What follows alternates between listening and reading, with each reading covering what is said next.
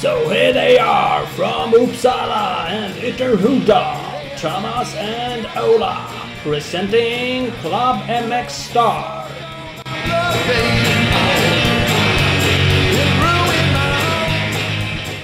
Bing badabum! Plugg. Plugg. Klubb MX Podcast heter det va? Yes! Bojaka, bojaka. Plugg MX Podcast. Klubb kör vi. Snyggt! Avsnitt 174. Ja! Mhm. Pass på! Inga konstigheter. 20. Vet du vad jag har lovat? Jag har lovat att i avsnitt nummer 175 så ska om de vinner teammästerskapet, eh, Team Triple One som nu leder inför sista deltävling så ska deras teamchef Thomas Fagerlind få vara med i podden. Oh. Han har även startnummer 175 eh, i, när han åker enduro-SM.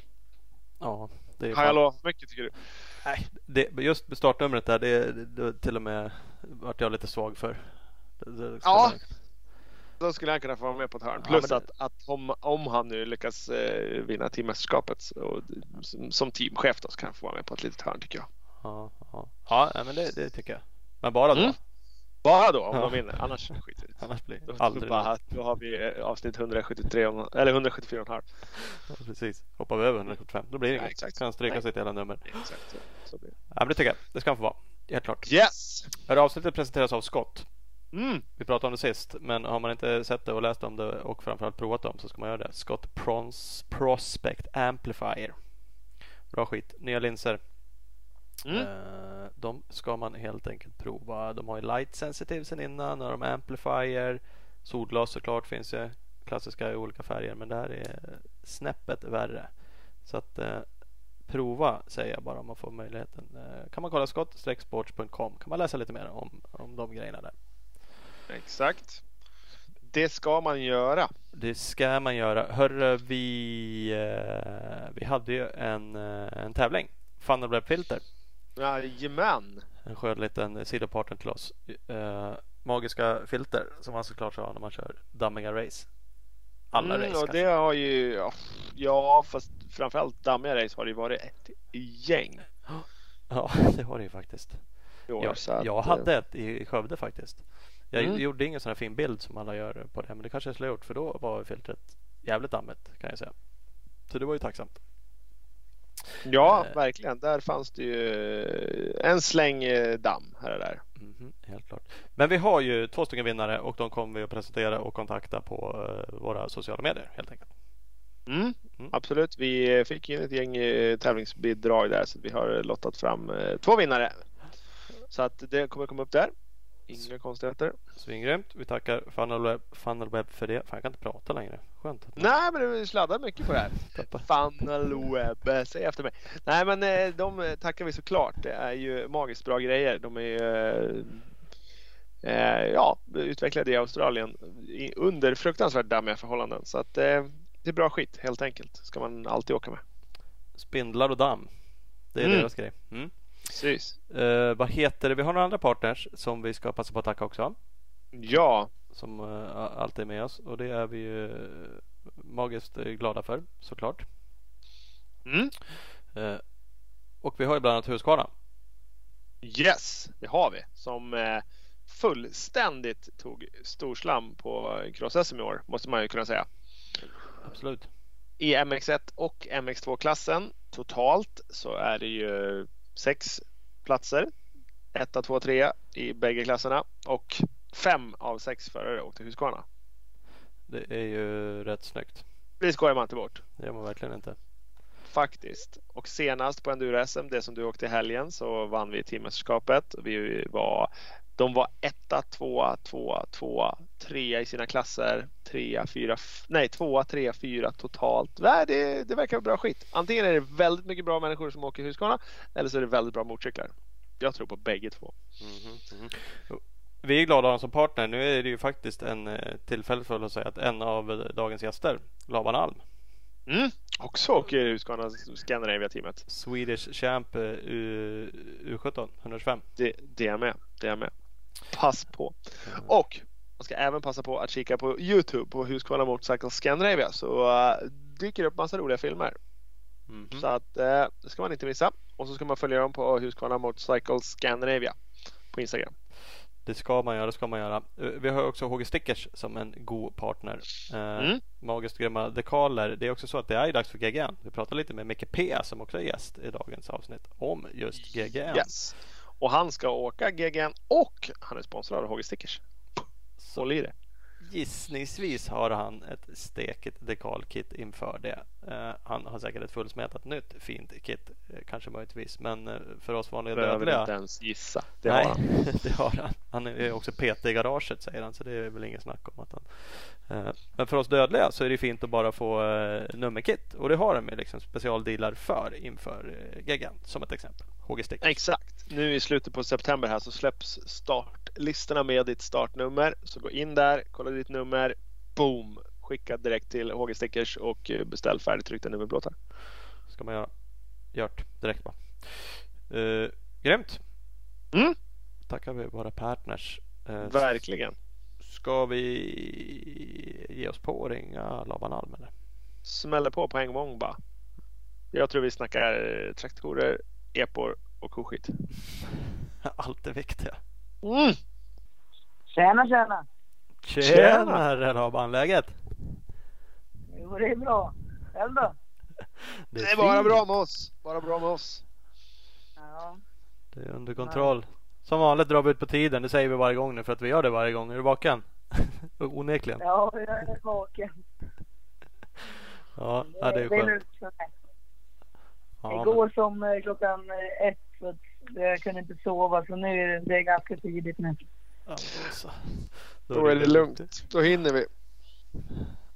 Då hinner vi Ja. köra igenom lite. Hörru, vi ska börja direkt. Vi brukar köra några snabbfrågor med, med Ja. nya gäster. Och du är ju faktiskt ny i podden, vilket är ju svinkul. Eh, Ja. så då får du några snabbisar här. Uh, fullständigt namn? Laban eh, Åke Rolf Alm. Just. Laban Åke Rolf Alm. Ja. Fan, må- många namn. Många. Mm. Vad heter det? Ålder? Eh, jag är 06. Ska jag säga personnummer eller? Nej! Nu sätter du oss här på, på poddkanten tänkte jag säga. River till bara till 06. Ska vi behöva räkna då hur gammal du är? Eh, jag är 14. Jag fyller 15 eh, om sex dagar. Så. Ja, men snyggt. Grattis i förskott. Ja, ja tackar. verkligen. Fan, då är du inte gammal. Där ska vi komma in på sen. eh, Att du kör 125 nu och bytt från 85. Men eh, vart eh, bor? Eh, utanför Uppsala, Almunge. Och då kan man ju ana kanske att du är uppväxt i krokarna. Ja, jag är uppväxt där jag bor. Ja. Eh, familjen består av? Ja, vi är fem i familjen och jag har två syskon, en eh, kille och en tjej. Mamma och pappa, vi bor ihop. Mm. Alla fem. Härligt, stor familj. Eh, dold talang? Dold talang. Ja, eh, fotboll kanske. Jag vet inte, jag är ganska, man har spelat några fotboll när man var liten. eh, Det var grusplan eller något. Jag vet inte, vet jag. Då du kör vi på fotboll. Fotboll kan du, kan du skruva in en hörna? Nej, nej för fan. Det är bara det är mål. Va, vad sa du? Det är bara Dribbla, dribbla, dribbla och gör mål. dribbla och en riktig jävla tåljudare rakt i mål. Ja men det duger. Bara jag gör mål så är det lugnt. Ja. Um, Idol? Eh, ja, Ken Roxen är väl, är väl bra. Mm. Inte Rickard Eriksson alltså. Nej, han är för kaxig. ja, det är bra att du inte har han som idol. Det kan ju fan räcka att han försöker leka coach. Ja, han orkar bara tre varv, eller tre kurvor på rian så att jag vet inte.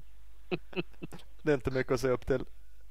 Nej, Nej, det är rätt. Det är rätt. Uh, favorit musikartist eller grupp? Ja, vad fan. Är det Medusa? Nej, jag vet inte. Vi kör på det. Jag lyssnar på lite olika. Helvete. Då, då vet vi vad Alm, hur långt Almunge ligger utanför Uppsala nu med andra ord. Det är en riktig Ja, hål. det är, det är väl eh, tre mil och sen bor vi bor mitt emellan Uppsala och Arlanda. Ja, du ser. På vischan. Typ. Ja, det är väl en liten eh, håla här. Ja, det kan man ju lugnt säga. Eddie Medusa, traktorer, eper och... Eddie Medusa är för fan det senaste i, i Viksta också så bara lägg ner med det där du bonde du och. Fan, det har Håll aldrig... inte på och hejta. Jag Låt grabben vara. Nej Jag då. skriver samma dag jag fyller år. Så. Alltså mitt eh, körkort till eh, EPAn. Är det så? Ja. Har du en epa står hemma redan då? Ja, han står och väntar. Klar bara. Aldrig ful åkt hemma på vischan. Ostartad. En sista. Läskigaste, svåraste bana du någonsin upplevt? Nu konstaterar vi att du inte är så gammal men du har ju varit ute och flängt mycket i Europa ändå och åkt hoj. Ja, jag ska ju köra Coupé Avenir eh, nästa helg. Och jag, när jag körde 85 då förut, när jag körde, då, då, då, den tyckte jag var lite läskig. Eh, det var så jävla, de har gjort en bana mitt ute i någon kohage och så är det en jävla ravin eller vad det heter. Så det är bara en jävla stup rätt ner, sen en liten knöl där nere som man ska landa på. När man körde 85 och skulle där, då gick det i fjädringen gick i botten och man bara hoppade ner. Men hoppa gjorde man. Ja, det var man ju tvungen att göra. Det Ja, var det- lite stalt, där fick man lite kast och då var det kört. Ja du ser. Men eh, ja, det känns väl bättre nu på 125 kan man hoppas. Det är lite mera fjädringsväg i alla fall. Ja, Ja, lite mer. ja men det är bra. Då ska du tillbaks till den läskigaste. Men då har du åtminstone kört den förut då. Så då vet du lite vad det innebär. ja, Mm, skönt. Eh, jag, konstaterar det. Det är ju kanske dåligt av mig. Jag vet att du är från krokan här. Som eh, jag är från Uppsala och Ola också. Då, men, ja, att du är härifrån. Men jag har inte stenkoll på dig. Jag pratade som snabbast med Rickard. Han sa att du var bondgrabb. Ja. Eh, och då tänkte jag ju direkt på min egna fantastiska karriär som är uppbyggd på bondgrabbskonceptet. Och vad långt jag kom, vad många SM-guld jag har och liksom hur lika Ja. vi, vi har det ja. eller inte. Eh, Men, men det stämmer i alla fall. Du är ju uppväxt på gård. Och du tog ja, grattis förresten, alltså SM-guld då, 125 U17 precis här i ja helgen. Då. Tack så mycket. Ja, tackar. Eh, Och det måste ju kännas bra. Ja, det kändes bra faktiskt. Det, Vi- ja. Har du hunnit tagit något på, på 85an USM-guld också? Vi höll på att leta det men eh, det eh, var svårt att hitta resultat från typ 17. Men du kan inte ha åkt så länge eller? Eller han du åkte Nej, USM jag blev svensk mästare på 85 2019. 19 till och med? Ja men det hade jag ju här Ja. till och med. Det visste jag ju om. Sorry. Ja. Då var du på pallen alla race. Så är det. Ja, och det var jag nu också. Jag var, bara, jag var ett och två på pallen båda alla tävlingar. Ja, jag sa det. Du hade sex hitvinster eh, i år då eh, under den 125 säsongen. Eh, Ja. och, så det kändes ju som en rätt så stabil säsong med andra ord. Ja, det känns bra. Ja, det var, jag tänkte bara säga att det gäller att vara med i starten och det, jag var med i alla starter så det, det, det kändes bra. Är du startsnabb? Har Rickard hjälpt dig? Vi pratar om Rickard Eriksson. Det är också en gemensam bekant från oss som är. Han var ju en, en talang i ungdomen i alla fall. Eh, nu är han gammal också. Men han, han är, är tränare, coach. Varit och är i alla fall till dig. Ja, han har varit det sedan fem, sex år tillbaka faktiskt. Ja. Och sen, eh, ja, sen eh, brukar jag träna med Kenneth Gundersen på vintrarna i, på Redsen. ja, just det. eh, Spanien där. Och sen, ja, och sen, ja, jag är väl ganska, det är väl, jag, vill, jag är väl startsnabb. eh, skulle jag väl kunna säga. Mm. Det här är din vetskap där du var inne på förut.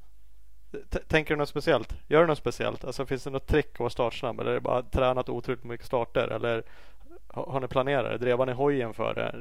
Kör du här startpallar som folk har nu som är lite extra höga? Eller finns det någon liksom specialteknik som gör att du känner att du har fått till det så jäkla bra? Eller är det bara vad det är liksom?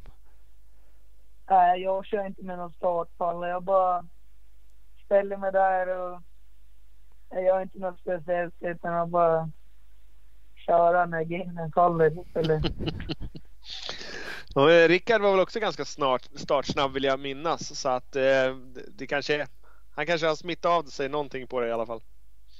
ja, det har han säkert. Ja.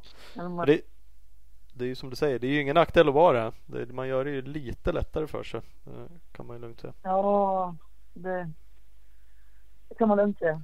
Ja. Skönt att ligga där framme redan från början så slipper man köra upp sig. När man väl har kört upp sig så är man helt slut. Så är det ju faktiskt. Fast Ja. man gjorde ju det när man var liten. När jag körde 65 då... Då kan jag säga, då vurpade jag. var alltid bra med i starten men sen så vurpade jag alltid första varvet. Då hamnade jag bakom alla. När man vurpade första varvet så körde upp med varenda race på 65 så köra om kan jag. Fick lägga grunden för det där. Ja men det är också en bra egenskap att kunna det i och för sig då, att köra om. De. Ja, Var, har du alltid varit en, liksom i toppen? En supertalang liksom? Var du jätteduktig 65 också och upp på 85 karriären? Ja, så jag körde 65 och sen skulle jag ju köra 65 USM, alltså SM och det, men eh, jag var för ung för att köra det och sen försökte vi söka dispens och lite sånt men det gick inte så då hoppade jag upp på 85 redan när jag var 8-9 år. Så jag, jag var jätte, jätte, jätteliten på 85 och, och sen körde jag där, så jag körde 85 ja, hur, hur länge kan det vara? Jag vet inte riktigt, men det var, jag körde 85 bra länge. Tills förra året när jag gick upp under 25 Ja. Så du sket du egentligen att tävla 65 även när du fick det och då körde du 85. Jag gissar att du inte fick tävla på den heller men du valde att köra det eh, ändå liksom för att Ja, jag körde 65 och jag körde väl, alltså jag körde de här när jag körde guldhjälm och så. Då mm. körde jag väl IMX och sånt där. Men sen när jag skulle testa SM och det så var jag för ung och då kunde, då vet jag inte, då bara hoppade upp på 85 och började träna och sen körde någon Race Magazine Cup på 85 där när man, ja det är väl någon förberedelseklass inför riktig USM. Ja just det. Mm. Du har, eh, har egen bana hemma på gården eller? Ja, jag har en liten slinga, eller vad man ska säga. Den är väl, jag har väl ett stort hopp, men nu är det kohage där. Och sen när vi känner för det brukar vi typ harva upp den så blir det lite mustigt och fint med lite koskit. Och, ja. Det är Ja men det är nice.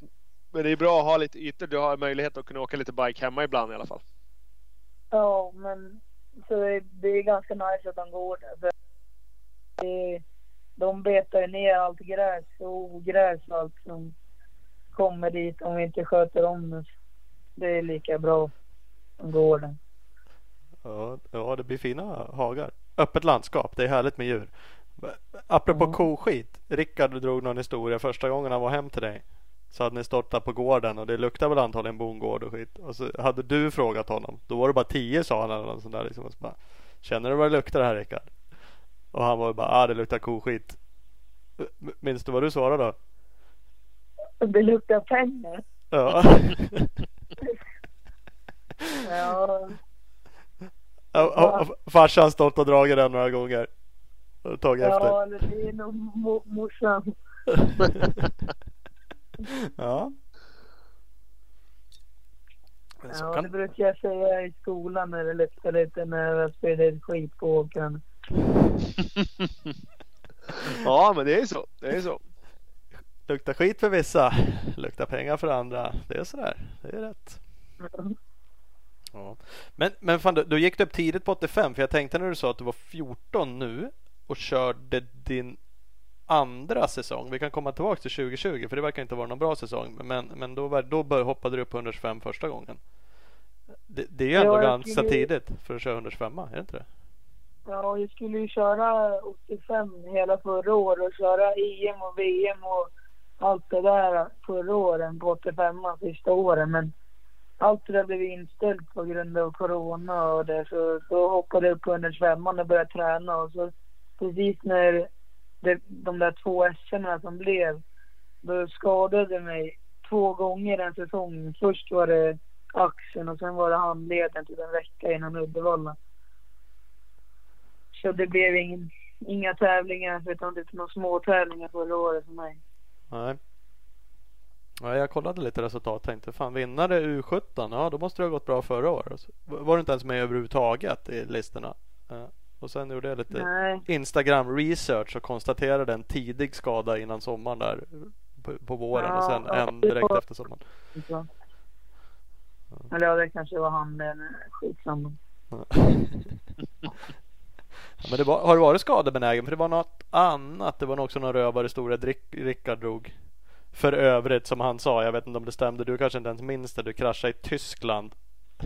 Han satt på sjukhus med dig. Du lite morfinhög.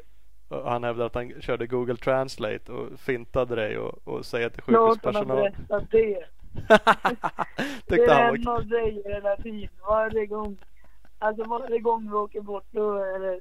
Kommer du ihåg vi låg på sjukhus och det var helt drogpåverkad och det bara jag kör bara en sniffler och så skulle jag säga det till den där läkaren och han skrattade livet ur sig. och Som dess har han sagt det varenda gång han sett. Vad var det typ? Jag, jag har ont i snoppen på tyska. Var det något sånt han googlade fram? Ja, något sånt var det. Ty- Tyckte han var kul.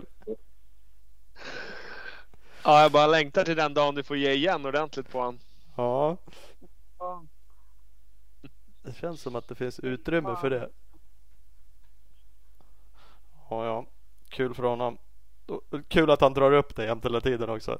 Det var en av de sakerna han sa nu också. det- det- De kunde ju- Vi var ju där på sjukhus och hade ju brutit benet och sen de tyskarna är ju sämst på engelska så det är helt sjukt och så jag var ju helt borta då när han höll på med det så jag kom inte ens ihåg det.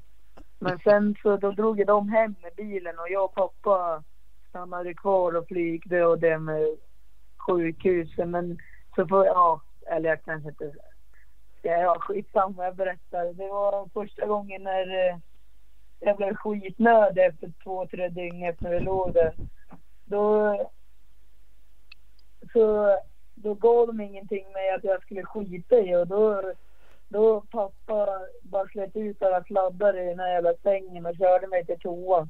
Och då, då går det en hela larm där och då kommer de in och skriker och de, vi hör inte vad de säger för de kan inte prata engelska så pratar de tyska och jag sitter där och de bara kollar på mig och säger att jag tar upp den här pissflaskan och säger att jag ska skita i den. Jag fattar ingenting. Jag är helt...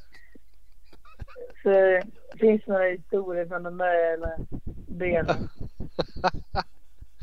Ja, det låter verkligen så. Skönt läge. De bara här, ta den här. Det var fan. Skitnödig. Vad håller du på med? helt- bara... Och så försökte de prata lite engelska och bara... Ta den här. Och vi bara, den här kan vi inte ta. Jag kan inte skita i den här. De bara, "Åh, åh, men ta den bara. Typ. Ja, Ja, jösses. ja. Ja, det, det var ett äventyr helt enkelt. På en skada så vart det lite andra äventyr också på sjukhus då helt enkelt. Ja, och sen sa de första gången ja, men, eh, att vi skulle åka något eget så här, sjukhusplan. Men sen till slut så då var det inte så. Så då skulle vi åka ett vanligt plan och då hade de bokat två platser för mig för jag skulle ha benet uppläggandet på två stolar.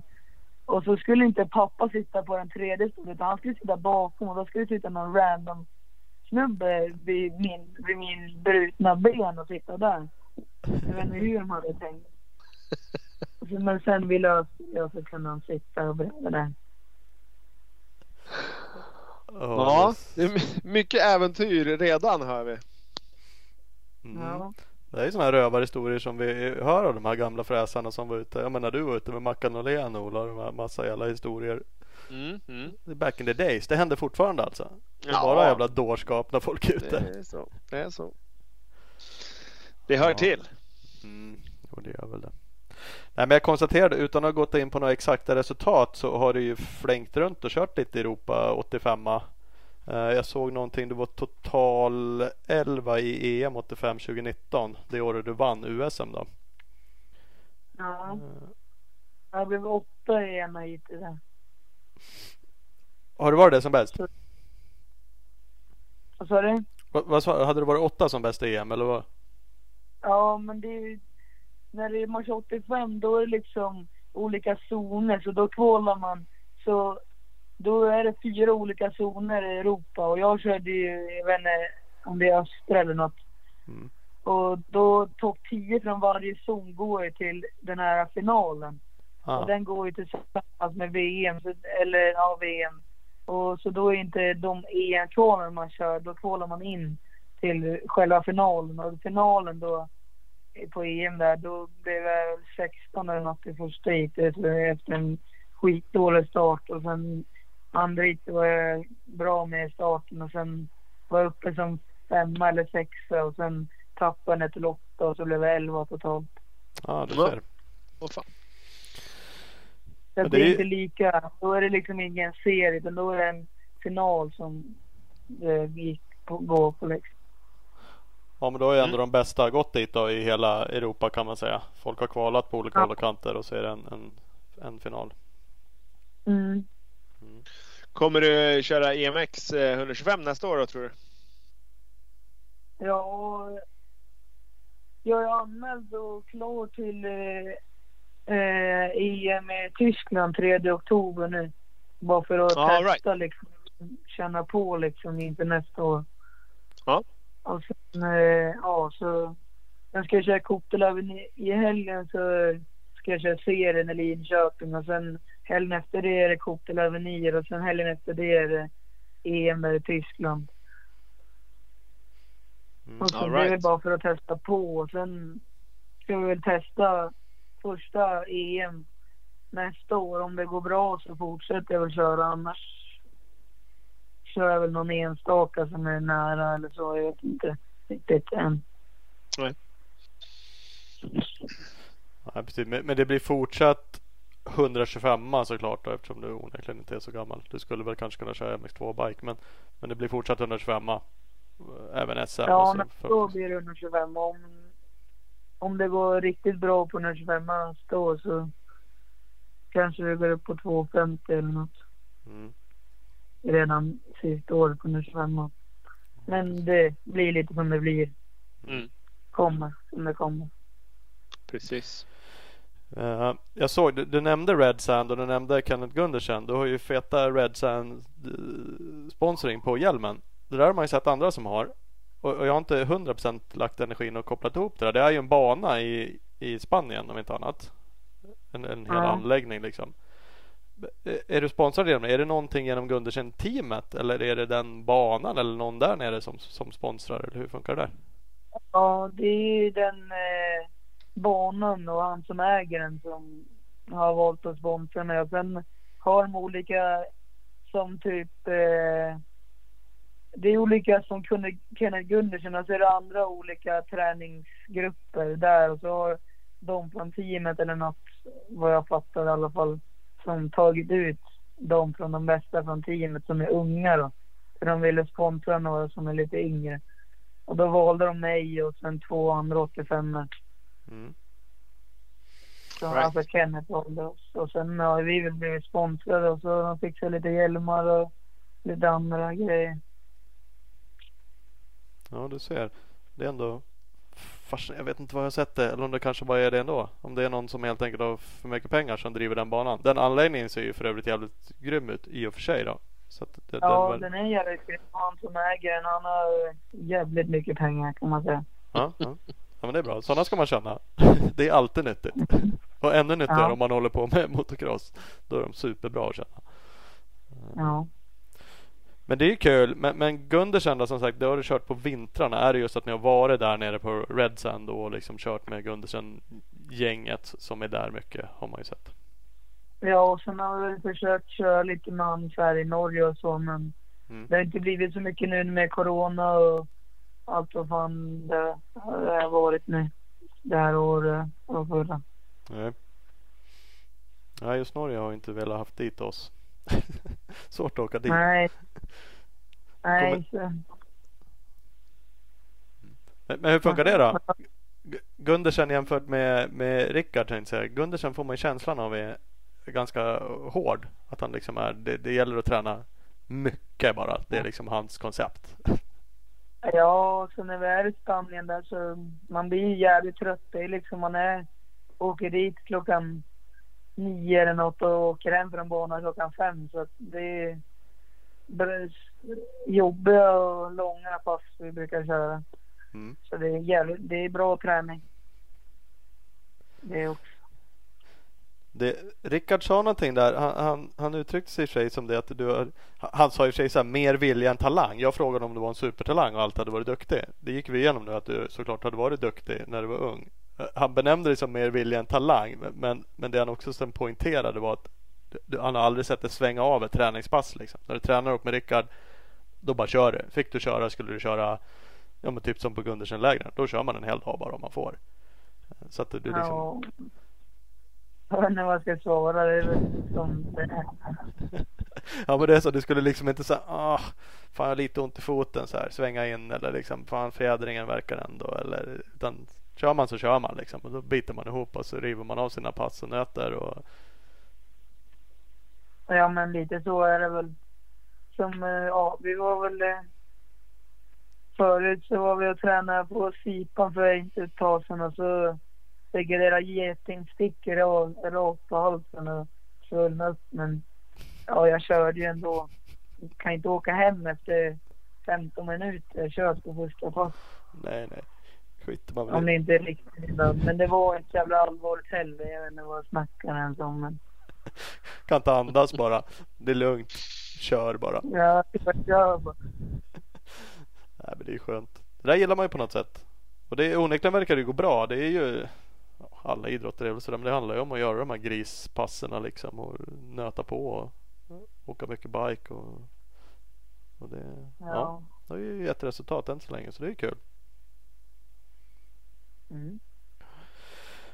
Vad heter, jag såg en annan grej 2019 som jag var tvungen att fråga om. Att du hade kört på Svartecross. 2019, ja, det måste ju ha varit innan Corona då helt enkelt. Ja, var det, det, var, det var helgen innan eller något. Vi var ju borta fyra månader med den här lilla, eller lilla vet jag inte, men sprint, eh, sprinten, Mercan, sprinten med crossbussen i fyra månader utomlands. Först så började vi köra USM i Varberg och sen efter det var det JVM, alltså i Italien och sen, sen var det om det var EM-finalen om det var, eller om det var Svarte Cross först. Det vet jag inte riktigt men så vi var borta ett bra tag med bussen och så åkte vi alla de där finalerna och allt vad det var. Så det var rätt kul vilka har du med dig då? Ni är väl knappast hela fem i familjen gänget som åker runt i en sprinter? Även om ni har en deluxe stor så Ja, är det vi, ja, vi var, jag tror vi var fyra pers i bilen och då sov vi två där uppe och sen bäddade vi ner där nere. Ja. Det jobb. Det, det, var så, det var så sjukt varmt den. Vi skulle ju efter JVM så drog, flög pappa hem och så stannade jag, mamma och Linus och Leona. Jag tror vi var, ja vi var hela familjen tror jag. Och så stannade vi där och sen eh, skulle vi träna något innan hålla svartekross, eller om det var EM-finalen och så skulle vi stanna och träna lite där i veckan emellan där men det var så sjukt varmt. Det var 42,5 grader. och alla banor var stängda för att det var så varmt. Så vi kunde inte köra något hela veckan innan den tävlingen som var på helgen. Jag vet, inte riktigt vilken det var. Om det var Svarte Cross eller EM. Nej. Fan vad mysigt att bo sådär många i en, en sprinter då. Det kan ju vara varmt Ja. ändå även när det inte är varmt Ja. ute. Körde asen hela, hela natten. Ja det kan man ju tänka sig. Men, men Svartekross där, det är ju någon riktig så här jävla röjfestival typ. Alltså en rockfestival som de verkar liksom ha runt en crossbana typ. Så bilder man har sett därifrån Ja. är ju helt bisarrt. Det står liksom hur mycket folk som helst runt crossbanan längs med staketen och är allmänt dyngpackade som på en festival och bara och så kör ni crosstävling där mitt i allting. Ja, det är bra mycket folk och sen är det något tivoli och massa så här. Men det är jävligt kul. Alltså. Då körde vi på fredagen tror jag. Sen eh, fredagen. Och sen på lördagen var det en tävling också. Och sen var det på söndagen. Då var det 250 och 450. Och sen var det massa annat skit. Han körde med typ några bilar och just riktigt stora jävla bilar och motorcyklar och allt vad fan det var på den här banan. Och sen var det, man, ja det var rätt, det var jävligt coolt var det faktiskt. Det ser fan coolt ut. Jag skulle väl åka dit någon gång. Det ser helt sjukt ut. Men det stämmer. De gör ju såna där grejer. Så här lite karnevalgrejer. Folk bygger om liksom eh, Ja, jävla sporthojar och. Moppe-race och allt möjligt härligt ju. Ja. Fan, det finns Ja, nog klass för för fan. dig och med då Ola. Kanske Nå, skulle säkert. bygga Säkert. upp något schysst. Mm. Ja men det är coolt. Ja men vad fan då har vi lite koll. Då har vi lite framtid också då som sagt. Förhoppningsvis. Det är roligt att du provar på redan i år. För att få lite feeling Ja. för det. Eh, Ja. och, um, då får vi hoppas att det går bra. Jag såg, men det kan ju vara så att du är mycket yngre än dem då. För vi hittade några resultatlistor också. Det måste ju vara några holländska eh, eller något liknande. Då var ju ändå Kai de Wolf och Liam Everts tror jag var etta, tvåa och du var tia i något hit eller om det var totalt. Eh, och, och det var ju liksom skapligt. Men de två grabbarna kör ju faktiskt eh, VM och har kört EM. Kai de Wolf är ju Factory liksom och ja, Everts är ju Everts. Så det är ändå- Ja. Fast jag tror 10, det var nog, det var inte det, det året när, det, när jag körde svarta cross. Det var nog holländska året innan, 2018. Då var jag också ute och körde. Då, ja, det var typ första året utomlands eller något sånt. Ja, jo men det kan stämma att det var. Det var nog inte svartkortsracet och det, det stämmer nog att det var 2018 där precis. Mm, då körde holländska. Jag tror jag, jag, jag körde inte svarta cross. Nej. Jag tror jag blev fyra totalt. Det var det året med svarta cross var det i holländsk. Ja, du ser. Så jag missade bollen med typ tre poäng. Right. Det är ju segt såklart. Men bra ändå. Det är ju jävligt coolt ju. Men är, är du jämngammal med Everts och, och De Wolf eller är de lite äldre än dig? Har du? Nej, de är två, tre år äldre än mig. Ja. Så då har De, du... är, eller nej, de är två år äldre. För båda de är 04 och jag är 06. Mm, mm. Ja, ja. Men det är ju skapligt ändå. Det är kul. Det är alltid roligt att hitta de där gamla resultatlistorna. Det finns ju mycket sånt där från, från alla möjliga förare. Man kollar tillbaka eller så från 85 race. Man bara fan, det där är den där killen och det där är den och det där är... Det är ju liksom jävligt coolt. Ja. Så då får vi hoppas att du är med och fightas med dem då om två år igen. I VM då kanske lämpligtvis. Det är väl enklast. Det är väl i... Ja, det är Det-. Känner ingen press men ja, vi blir ju lite besvikna om du inte är där uppe och kör. Då. Ja. Nej men det vore kul. Såklart. Uh, hörru, vad kul att vi fick ringa och kolla läget lite. Grattis igen som sagt till SM-guldet. Yes, Ja. stort grattis. Eh, Ja, och så tack. får vi uh, höras av framöver helt enkelt. Ja. Asgrymt. Vi, uh, vi kör på det så. Tack, tack för idag. ja, tack själva. Ha det bra. Ha det hej bra. hej. Samma. Hej då. Laban Alm. Jajamän. Mm. Fan skön han är. Mysig. 14. Ja, Fyller eller hur? 15. Nej men det, det är ju sjukt. Då är man fan inte gammal. Eh, nej, det är korrekt. Det var jättelänge sedan jag var så ja, Då var jag inte så där duktig. Nej men det är coolt. Som sagt, När det- var det sen då tänkte du? Duktig? Ja, sådär duktig. Nej jag har aldrig varit Nej. Nej. duktig Ja. någonsin. Så det, det var mest eh, Nej, Det- han är ju det-. Det är ju eh, skithäftigt. Snart Ja. 15 år, vunnit SM två gånger. Mm. Det är ju ändå skapligt. Varit ute och, Press. och, dragit lite så att. Uh, ja, men det är coolt. Hoppas det blir okej då. Det, eh, det är EMX 125 man provar på då. Här Mm. närmsta och sen att det kan bli förhoppningsvis en full säsong då eller något liknande nästa år. Absolut, jo men det, det tror vi väl. De är ju coola de där EM, EMX-klasserna nu för tiden. Både 125 och 250 är ju liksom jävligt mycket folk som kör. Och det, känns ju som att det faktiskt är lite den plantskola det är tänkt. Liksom. Det går att köra sig till eh, styrningar eller liksom bli någonting genom att vara duktig i de där klasserna. Absolut. Så Så är det ju helt klart. Det har man, kollar man, följer man de klasserna så eh, ser man ju att det är ju rakt rätt upp i, i VM för ja, i- inte alls så få av dem utan det är många som går den vägen. Så är det. Mm, mm, mm. Coolers, coolers. Hörru, vi ska ringa Mikey P. Yes. Eh, först ska vi tacka några av våra partners. Vi har ju bland annat eh, Speedstore med oss och de har ju just nu alla Husqvarna Enduro-modeller för direkt leverans i butiken Eh, med finfina finansieringsmöjligheter så att det är ju bara att kolla in det. Och med rätt bike ska vi då säga, men då tar de även inbyten av hojar så att hör av er och meddela vad ni har för bike så kanske ni kan lämna in er gamla fina bike och lyfta ut en ny. Eh, så att kolla in speedstore.nu, där finns alla kontaktuppgifter eh, och så följer ni dem på Instagram, exempelvis speed-store. Jajamän. Speed Equipment har vi också som partner. Din Honda KTM Suzuki-handlare i Vänersborg.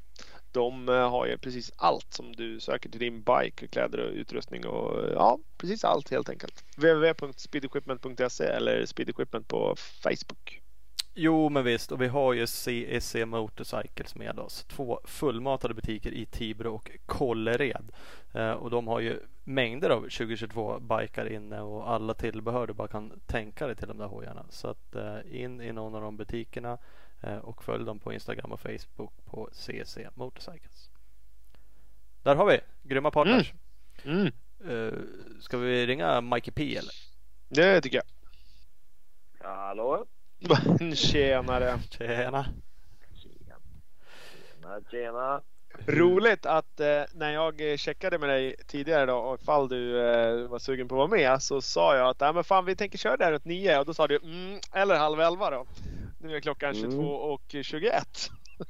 Jajamän. Så att jag, nej, men jag börjar få koll på era tidsscheman där. Så jag vet hur det funkar nu för tiden. Jag listade ut det där. Men hinner man med en liten powernap innan eh, det är dags liksom? Ja, men det är alltid bra. Det är ju det vi tänker på. Man vill ju liksom Ja. vara schysst mot gästerna så att man ska hinna chilla, varva ner Ja, lite grann. Det är lovely. Ja, det är du bör, börjar ju bli lite veteran på det här ändå. Det här är faktiskt fjärde gången som du är med nu. Ja men det är kul ju. Fan, så man Mm. får passa på när man får förfrågan att vara med ju. När man, Ja. eh, när man, drar, när man drar ordentligt så man liksom blir tillfrågad. Ja, då dyker man ju upp helt plötsligt. Ja, det är så. Gör man någonting bra då kan man ju få vara med. Så att, Mm. Mm, nu har det ändå varit skaplig här i slutet tycker jag. Så då kände vi att ah, men nu, nu kan han behöva en boost när han ändå är hyfsat duktig här den här säsongen. Ja. Första gången, första gången hade du vunnit JVM. Andra gången så hade du vunnit eh, några SM på hemmaplan eh, i april 2018. Och sen eh, var du med i höstas, november, efter att du hade vunnit i Gotland. Och ja, och nu då. Så att det, det krävs ju lite för att vara med tydligen. jo men det är bra. Det är kul att vara med så fasen man får passa på när man kan. När man får. Ja men det är kul. Klar svensk mästare efter helgen. Ja, stämmer bra. Det kom ju lite som en eh, överraskning faktiskt. Eh, var väl inte alls förväntade det innan liksom. Hade inte tanken på det heller. Utan mitt mål var väl att åka dit och försöka utöka min ledning över gränsen där och ja, det gjorde jag ju verkligen. Och det blev ju till och med, till och med klart så sjukt skoj. Mm. Mm, det var ingen som han riktigt hade de eh, planerna så långt att, att han inte skulle eh, åka så bra nu som han har gjort tidigare. Nej, precis. Eh, visst, nu var det lite nya boys med, men jag trodde nog att han skulle vara med där uppe och nosa på dem ändå. Men han öppnade väl med någon vurpa där på första provet och blev lite, lite halvskakig efter det sa han. Så då, ja, det var väl ingen bra start på dagen riktigt för honom. Nej. Nej, så är det ju. Han är ju den enda egentligen annars som har som har huggt på dig eh, fram tills den här tävlingen. Han vann ju total vann ju två dagar i Östersund. Men sen har du vunnit Ja, resten. precis. Ja, exakt. Nej, men han var ju sjukt vass uppe i Östersund den första racen i år. Eh, Jag tyckte ändå att jag var i bra form då. Åkte dit med bra feeling och där, men nej, där var han helt klart den starkare mannen utav oss och drog som fasen där så att eh, all, eh, ja, all cred till han. Eh, och sen efter det så har han ju varit den som varit närmast bakom i alla race, men eh, jag har ju ja, vad ska man säga, steppa upp det lite efter det. Så att det är väl skönt att kunna tagit tillbaka poängerna och ja, även nu då tagit hem det. Nej men ja, jag, jag flikar in ändå. Eh, Jag tänkte du sa att han kraschade på första sträckan i Uppsala. Det var ju ett, eh, mm, eh, en stubbåker. Så att man, man kan ju kalla det lättåkt. Sen kan det vara svårt att åka fort ändå. Det var också en förhållandevis lätt transport ut dit. Ja, tycker man det där är lite, är, är det skönt att ha en sån start? Eller är det helt enkelt svårt att komma igång? För att det liksom är, att man kommer dit och så är det liksom lätt åkt om du förstår vad jag menar. Liksom. Bara fullt ös liksom. ja precis. Nej, men det är väl både och. Alltså, det beror lite på kanske vad man gillar som person. Eh, mig gör det ingenting om det är en tuff, lång sträcka till att börja med. Jag, jag brukar vara vaken och på hugget liksom direkt på morgonen. Så att, eh, men ja, det är väl klart att det kanske är skönt. Men eh, nej, man, man är nog lika laddad för, för vad det än är för typ av sträcka skulle jag vilja säga. Skitsamma. Det ska köras liksom. Så då är det bara att ösa. Ja, visst är det så. Och sen när man är på i alla fall högsta nivån här i Sverige, och då, ja, då är man ju allt från första metern. Liksom. Det går inte att åka och spara på något eller ha, ha en favoritsträcka eller en sträcka som man kanske tycker mindre bra om. Utan det är bara rätt inställning så är det det som gäller. Mm. Såklart. Det har ju varit din lite specialare i år annars att bara gå ut stenhårt på första provet och smälla på lite bra tider. Det har du lyckats med i både Söderhamn och Katrineholm och fått en, ja, men en lucka nästan på en gång.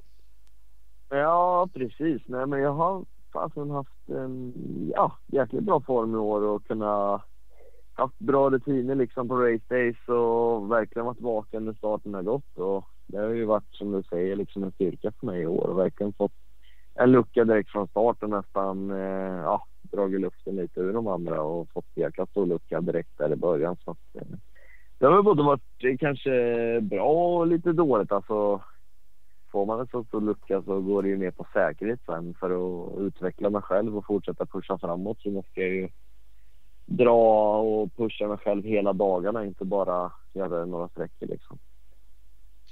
Nej, det, är ju en, det blir ju en, en svårighet annars. Nu vet jag att du har börjat kolla på din sträcktid sedan varvet innan och försöka slå den hela tiden för att, ja, men för att inte tappa gnistan. Liksom. Ja, exakt. Det är ju precis som det jag sa liksom att jag måste motivera mig med någonting eh, och speciellt då som kanske Katrineholm när det var så stor lucka bakåt. Det är så jäkla lätt kanske att hamna lite i ingenmansland och när man gör det då kommer det en massa andra tankar in och då, i alla fall för mig, då hamnar jag liksom att då börjar jag tappa och misstag och rätt för det så kanske du stoppar ner en fot och vrider till ett knä eller det kan ju hända så jäkla mycket liksom så att jag försöker hitta saker då för att motivera mig för att fortsätta pusha och ha det här 105-procentiga fokuset liksom. Mm. Vi eh, ska säga på en gång att vi har fått ett nytt rekord i Klubben historien Vi har fått eh, överlägset flest lyssnarfrågor eh, inskickade till dig. Ja men fan det var kul, det låter Ja. mycket. Jag tror jag räknar ihop till 40 stycken lite snabbt så att eh, det är säkert någon till också. Men eh, så att folk är väldigt, väldigt intresserade. Men eh, en grej som folk har reagerat på. Jag skulle kanske säga att det inte riktigt är så, men du, i och med att du har vunnit, totalvunnit SM nu tredje gången för, på fyra år så kan man ju hävda att, att du har varit snabbast i Sverige eh, till och från under den här tiden. Men det är många som tycker att, att just i år har det blommat ut. Liksom. Har, du gjort, har du gjort någonting för att ta ytterligare ett steg i år eller är det bara att ja, det, det stämmer helt enkelt?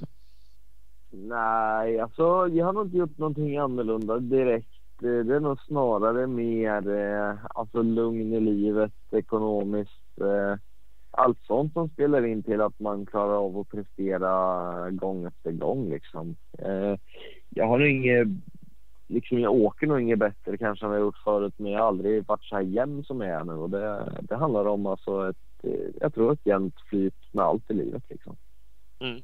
Eh, man måste ha alla bitar på plats för att kunna prestera speciellt över hela säsongen liksom och ja, kunna hålla sig lugn och känna att man har tid med allt som man, som man vill hinna med. Liksom. Mm. Man, man, kan få lite känslan om, om man har läst saker som att du har satsat lite mer eller att ambitionen finns även nu under att det liksom ja, men dyker upp en, en styrning, dyker upp någonting framöver här så skulle du vilja göra en ny chans, låt säga i VM. Från att det mm. kändes som för några år sedan som att äh, nu skiter jag i det här och bara trappar ner snudd på lägga av. Ja, så känns det som ju... att du liksom, mm, du, du, du har ändå ett fokus nu på att du vill kanske göra ett sista ryck mot att komma någonstans längre. Liksom. Exakt. Exakt, Nej, men det stämmer bra. Visst, det kan också ha varit lite morot till att resultaten har varit eh, galet bra nu på slutet. Liksom. Och jag har, har verkligen velat leverera och satt ju som mål, alltså typ här innan säsongen drog igång i år, att eh, försöka leverera på just six days och så återigen, alltså det mesta faller nästan tillbaka på det ekonomiska. Eh, typ eh, när jag väl klev ifrån VM då hade jag det inte jättebra ekonomiskt liksom. Hade mycket eh, ja, lån och ja, satt, inte i, satt inte i smeten liksom och kände att jag, fan, jag måste jag måste ta ett jobb för att ta mig ur det här. Jag kan inte fortsätta så här för då kommer jag inte mm, ja, kunna leva ett vanligt liv sen senare liksom.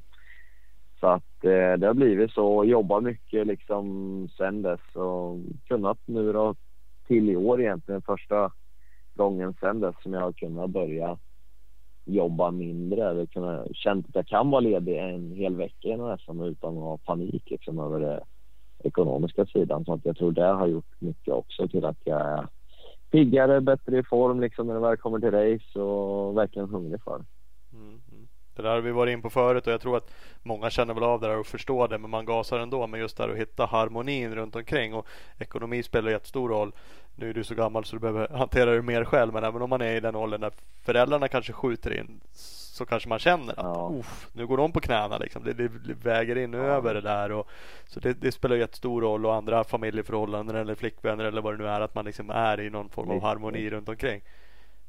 Ja, nej, för mig var det att jag tyckte ju inte att det blev värt eller kul liksom längre. Jag, jag njöt inte av att åka hoj. Jag tyckte bara att jag gjorde det för att jag var duktig på det liksom. Det fanns inget, inget skoj med det längre och det är det som har vuxit tillbaka nu när allt annat har följt på plats. Att jag verkligen älskar den här sporten och tycker det är så galet kul och verkligen känt att jag har ångrat mina val, liksom ångrat att jag kanske klev ifrån VM-nivån och fasen kände att jag måste, jag måste prova en gång till för att inte ångra det resten av livet. Liksom.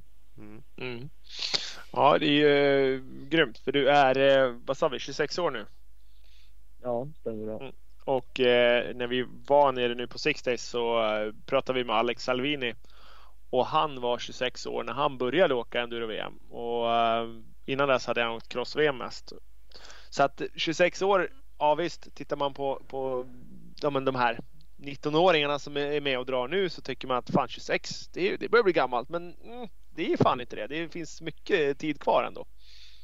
Ja, nej verkligen. Det är många år kvar och kollar man alltså förr bara några namn som jag kommer på. Det är ju till exempel Ola. Han var som bäst när han var typ 38, liksom 37, 38.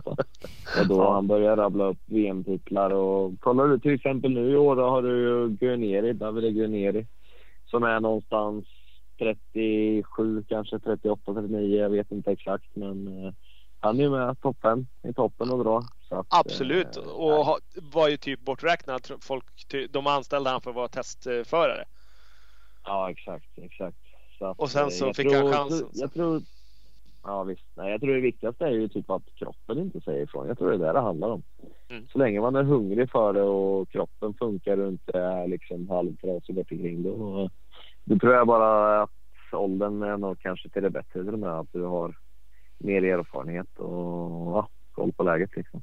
Och kanske ja, har hittat harmonin då? Eller vet ja, hur exakt. man hittar den och får tillbaks den om man hamnar i ofas med det liksom, så är man snabbare. Ja, att... men exakt. exakt. och förmodligen lite bättre val när det blir hiskiga situationer och så vidare. Så att, eh, nej, fasen, det, mm, det känns som jag är på rätt, rätt plats, rätt tidpunkt. Så att, eh, jag hoppas att det kan, eh, kan bära av till någonting. Mm. Det är grymt. Jag tror ju att det som mest har fått upp ögonen på folk det är ju ditt eh, fantastiska Six Days resultat här för ett par veckor sedan. Jo, men visst är det så. Det var ju en prestation långt över min egen förmåga trodde jag ju innan i alla fall, men har väl någonstans insett nu efteråt att eh, ja, det är ju faktiskt jag själv som har presterat här så att det är ju min egen förmåga liksom. Så att eh, helt, helt galet och så jäkla fantastiskt kul och sätta ihop en vecka på det sättet och verkligen på rätt plats också med tanke på vad mina ambitioner för framtiden är. Mm. Och så just att du verkligen gör det alla dagar, alla prov. Det är liksom inte ett, en, en, ett prov passade dig utan du levererar du verkligen hela Nej. six days. Det är ändå som du säger, det är ju ingen tillfällighet. Det gör man ju inte bara för att man tyckte att ett prov passade en utan Nej, nej precis. Men äh, återigen fasen jag hade lagt mycket fokus på det redan tidigt i år och tog extra tid ledigt liksom för att ha alla bitar på plats och även la ju lite extra tid nu då i och med att det blev 2.50 jag skulle få åka. Men la mer tid på den, eh, liksom sket i och några resultatmässiga sätt liksom VM i Skövde utan bara försökte lära mig hojen och det var vad vi behövde jobba på. Sen all träning emellan de här SM efter VM i Skövde och ända fram nu till så tränade jag hela tiden på den. Jag åkte bara racerna på 350 när jag var tvungen. Så att eh, jag känner mig jätteväl förberedd och vi hade alla andra bitar på plats. Så att, eh, nej, det var som...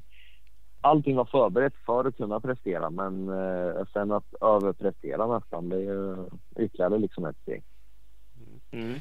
En eh, ganska intressant fråga. Eh, osäker på vem det var som ställde den. Men vilken dag på Six Days är du mest nöjd med?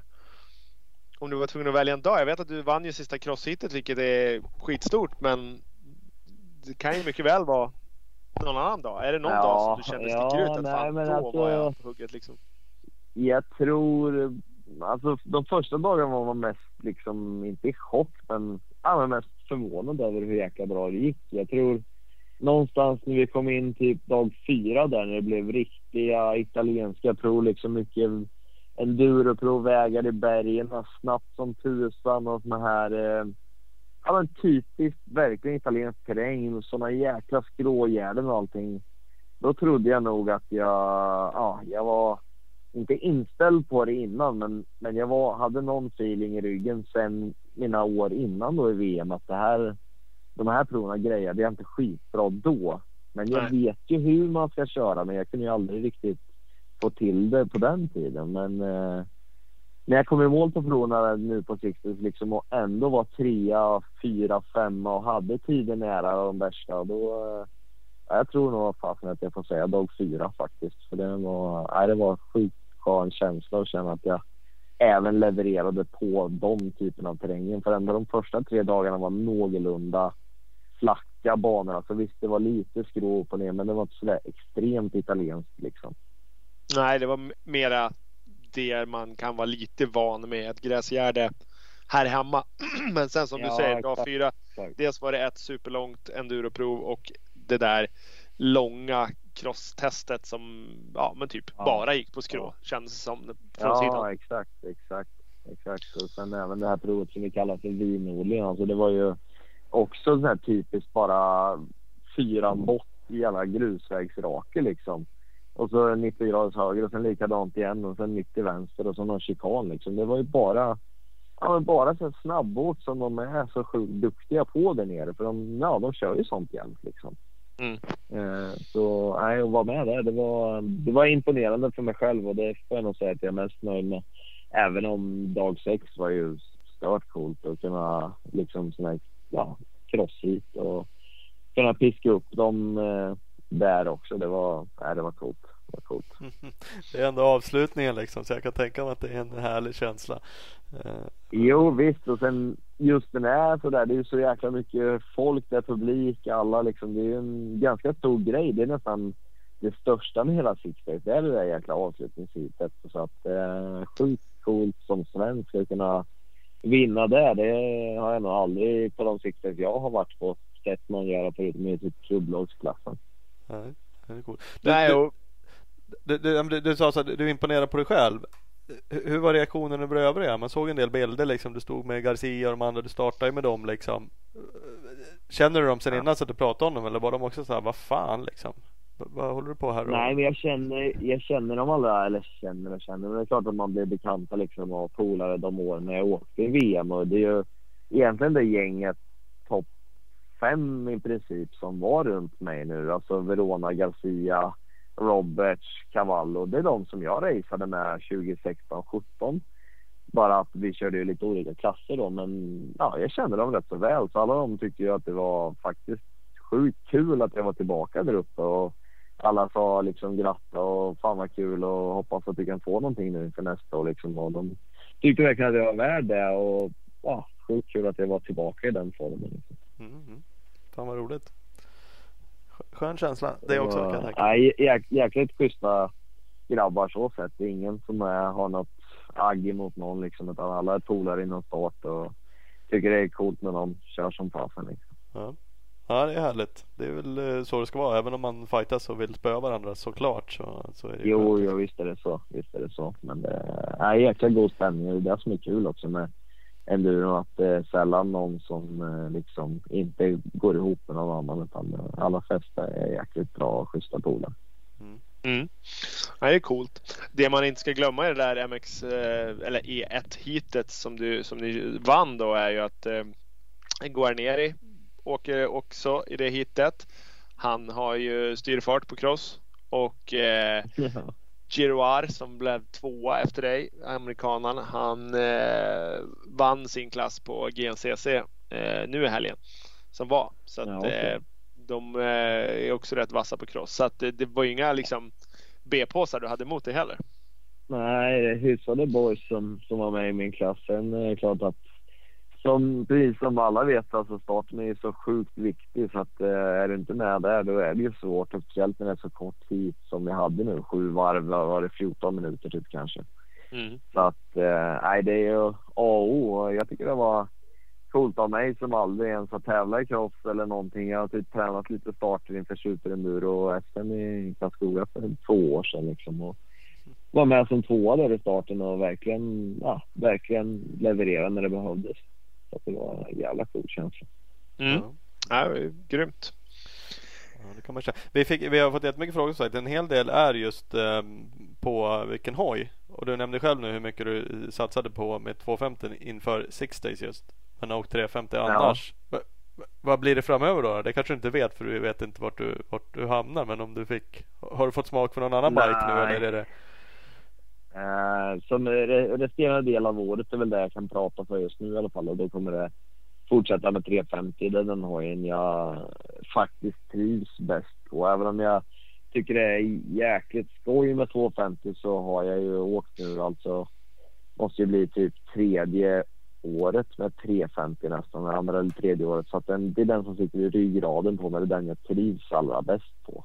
Mm. Eh, så att jag kommer fortsätta köra den i sista SM och sen även Gotland och Kåsan då. För det, ja, det är en jäkla bra allroundhoj och som sagt det är den som sitter i ryggraden på mig. Så det är den jag kommer fortsätta med. Sen ehm, till nästa år så får vi väl se vad det blir. Eh, det beror väl lite på vad det blir för märke och så vidare. Va? Det är ju, ja, alla hojar skiljer väl sig åt men eh, nej, det återstår att se. Skulle du tacka nej till någonting om du fick en styrning? Alltså någon bara, "Mm, nej, du får en 300 här. Om man tänker sig oavsett märke. Är det någon liksom, "Ja, fan tvåtakt vill jag bara inte tillbaks till. Eller jag, jag vill inte åka eh, 500 eller, eller rätt styrning så åker du vad som helst. Eller hur är känslan? Alltså egentligen så beror det nog på vad för märke, vad för hoj. Det är jäkligt svårt att säga men eh, alla, jag skulle nog vilja säga att alla fabriksteam har nog fungerande hojar vilken storlek den är faktiskt. Jag har svårt att tro att någon skulle ha till exempel om de erbjuder en 300 så att de har ett register som är okörbart. Det är väldigt svårt att tro utan jag tror att eh, med rätt folk bakom så tror jag att vi kan få alla hojar att fungera. Det är nog inga konstigheter men eh, helt klart tror jag inte att en 500 fyrtakt hade passat mig. Den är nog lite, lite för stor för, för lilla mig liksom. Förhoppningsvis tycker andra det också då. Men, eh, Ja, precis. ja. Så är det. Nej, men det är ju väldigt, väldigt många som eh, frågar om, eh, om VM nästa år. Och skulle du tänka dig att byta märke om du, eh, om du fick en bättre deal, till exempel en fabriksdeal? Skulle du kunna tänka dig att åka något annat än, än KTM då? Ja. Ja, nej men alla, alla gånger. Eh, jag tror med rätt förutsättningar så skulle jag nog sätta mig på vilket märke som helst. Alltså egentligen det som kriterierna jag har det är att kunna åka motorcykel på heltid. Sen tror jag att, eh, precis som jag sa innan nu, att det, det går att leverera med allt, bara rätt förutsättningar. Så att eh, med rätt bil så då skulle jag nog ta egentligen vad som helst. Ja, alltså tittar man i, i VM så eh, de vinner på Kärko och de vinner på Beta och alltså ja, det går ju att vinna på allting bara, Ja, jag visst. bara det Nej, stämmer. för Så fan. att det, det, jag tror inte att någon av de där fabriksförarna är, dåliga. Liksom. Självklart så passar någon bättre för någon förare och så vidare. Så där. Men Mm. eh, jag tror alla har bra grejer. De har bra folk bakom i teamen som vet hur, en hoj ska fungera. Så att, eh, det är nog ingen som har eh, något sämre än någon annan, tror jag inte. Det är Nej. nog bara upp till, upp till vad föraren tycker och tänker och vad den har för mentala spärrar. Liksom. Det är ju kul när man kollar resultatlistorna sen enduron. Nu är det lite så kanske i AMA-crossen och VM också nu för tiden kan jag tycka att det, det är mycket märken. Det är liksom inte att något märke är helt överlägset utan det mixas upp rätt mycket och enduron finns ju de som man ja, tänker är små. De är ju kanske inte det liksom. Det är, det är liksom Fantic och Beta och TM och eh, sådana märken som ja, de är helt enkelt jävligt bra och de har stora team och de är med där uppe och drar. Liksom. Det är ju jävligt kul att se det. Ja men verkligen, verkligen. Kollar man, eh, alltså typ kollar du tillbaka fem, sju år, ja men då hade typ KTM fem stycken fabriksförare. Husqvarna fem stycken också liksom. Mm. Då är det inte så konstigt att de dominerade sporten. Nu när de klev bort, då har ju de här andra haft chansen att kunna öka sina förare och ha några fler. Mm. Och sen har ju KTM och, och Gasgas då kommit tillbaka med en bara. Så då blir det ju mer att de andra har chansen. De har ju kunnat utveckla under tiden och fått kanske större budgetar också ifrån sina tillverkare liksom tack vare att de har kunnat vinna några VM nu medan KTM inte har varit där med fem supervassa förare liksom. Mm. Eh, Apropå VM, det är lite en, en annan fråga. Men jag tänker ibland på det här. Man ser Garcia exempelvis är Red Bull eh, sponsrad. Nu vet jag inte om det är en egen deal Ja. eller om det är genom KTM eller någon mix. Men jag tycker man ser från många andra länder att energidrycksmärken och Red Bull, de kliver ändå in på förarnivå får man känslan. Men, det dyker inte upp i Ja. Sverige det där liksom. Det hade man ju. Nej, eh, det, det tycker jag ändå är konstigt. Precis som du säger så ser vi väldigt mycket mer nere i Europa eller ja, åt egentligen alla andra hållen i Sverige eller egentligen Norden tror jag är rätt dålig på det här inom enduro eller cross eh, överhuvudtaget också här uppe i Norden. Men jag vet inte varför de inte gör. De, till exempel då om vi tar Red Bull nu så har ju de sjukt mycket rallycross och sånt där i Sverige istället. De har ju hur jäkla många sådana förare som helst. Mm. Men på cross enduro har de ingen överhuvudtaget. Eh, däremot så var det någon som berättade för mig här för inte alls länge sedan, det var nog på Six Days, eh, som tog upp då Red Bull som eh, och berättade att de hade försökt få ut dem till eh, till VM i Italien tror jag att det var. Eh, och då, nej de var inte ens intresserade av att åka dit. Enduro var så kasssport, det var syntes ingenting och det var dåligt allting och men däremot en sån här hard enduro race, det vill de jättegärna åka på. Det var de supersugna på liksom. Så att Ja. de har ju ingen bra inställning heller liksom så. De vill ju inte ge någon chans direkt att växa heller. Nej. Så att det är väl därför. Jag vet inte hur eh, de här uppe i Norden tänker men det måste ju vara något sånt eftersom att de inte är intresserade överhuvudtaget. Ja man tycker det. Nu ser man ju många så här, men Garcia som ett exempel, jag vet inte exakt men- de taggar liksom Red Bull eh, Spanien typ då. Så de har ju antagligen en deal Ja, genom ja. det på något sätt. Och, någon, och det är klart, sitter det Exakt. några intresserade där och inte i Norden, ja då blir det ju vad det blir liksom gissningsvis. Men Jag vet eh, just Garcia där, det var ju när han, Ivan Cervantes slutade med enduro. Då var det han som fixade så att eh, Garcia fick ta över hans stil av Red Bull. För han hade ju en egen där med Red Bull. ja du ser. Mm. Så att det var eh, ja, en liten hjälpande hand liksom som löste Men självklart hade inte Garcia varit duktig och kört som fasen hade inte han fått ta över den. Men eh, Nej. Det känns som att eh, ändå det är sånt jäkla annan eh, mentalitet på något sätt. Alltså, de är så jäkla mycket mer drivande där nere för just enduro. Alltså sporten är så mycket större så att folk verkligen brinner för det och vill verkligen att eh, nästa lovande kille ska få ta över liksom eller så vidare. Mm. Här uppe i Sverige är så jäkla mycket mer, tycker jag i alla fall personligen, avundsjuka. Alltså det är ingen som vill dela med sig om man har någonting eller vill hjälpa någon annan direkt utan man, man vill ha det för sig själv och har man det inte, ja men då skiter man i att göra något för någon annan. Då är det bättre att ingen har det liksom. Så får inte jag ha det, då Ja, ska ingen ha det. li- Nej men lite så faktiskt och ja, det är lite den mentalitet vi har här uppe och Mm. Man ska försöka varför, men jag suga tror, på jag tror det att så länge det går. är för liten också liksom. Mm. Jo, men så är det som du säger och sen så tror jag också att alltså marknadsandelar och så här. Red Bull i Sverige så har vi lite skidåkare och några snowboardkillar och så som är liksom världselit. Vi har några cykelkillar. Vi har eh, eh, nu tappar jag namnet på Bodin, Malungs finest. F- Nej, men alltså vi har ja. ja, vi har några sådana som är eh, världselit inom andra områden. Inom, Och- ja, inom sina sporter. Ja, exakt. Och det är kanske mer att det de är tvungna att kolla på. Jo, Ja, alltså. Nej, men det är klart, du förstår mig. Du kan inte... Du kan väl inte leverera bara tro att du ska få rädd respons för du vinner SM i Sverige. Självklart, du måste ju leverera utomlands också så att de får ut någonting av att hjälpa dig såklart. Men eh, det är ändå konstigt tycker jag att ingen, ingen egentligen har haft det här uppifrån någonsin genom endurons tid liksom. Nej. Jag, jag får känna, nu har jag ju långt ifrån 100 inse men jag får känslan av att ingen har verkligen haft, alltså det figurerar ju absolut energidrycksloggor lite här och var men känslan är ju att det är ju inte en, en lackad hjälm och en miljon på kontot utan det är ju liksom fyra plattor dricka och en keps liksom. M- Ja, Närmare i alla fall. Ja, och det är lite synd. Sin höjd. Ja. Sen är ju Red Bull, de är ju, är ju verkligen så här att de, de sponsrar ju bara top of the top. Typ liksom. Men eh, Mm. Ja ändå, det finns ju andra liksom energidrycksmärken som bara vräker ut på andra olika håll liksom. Och så är de helt omöjliga här uppe. Att, ja. Ja visst.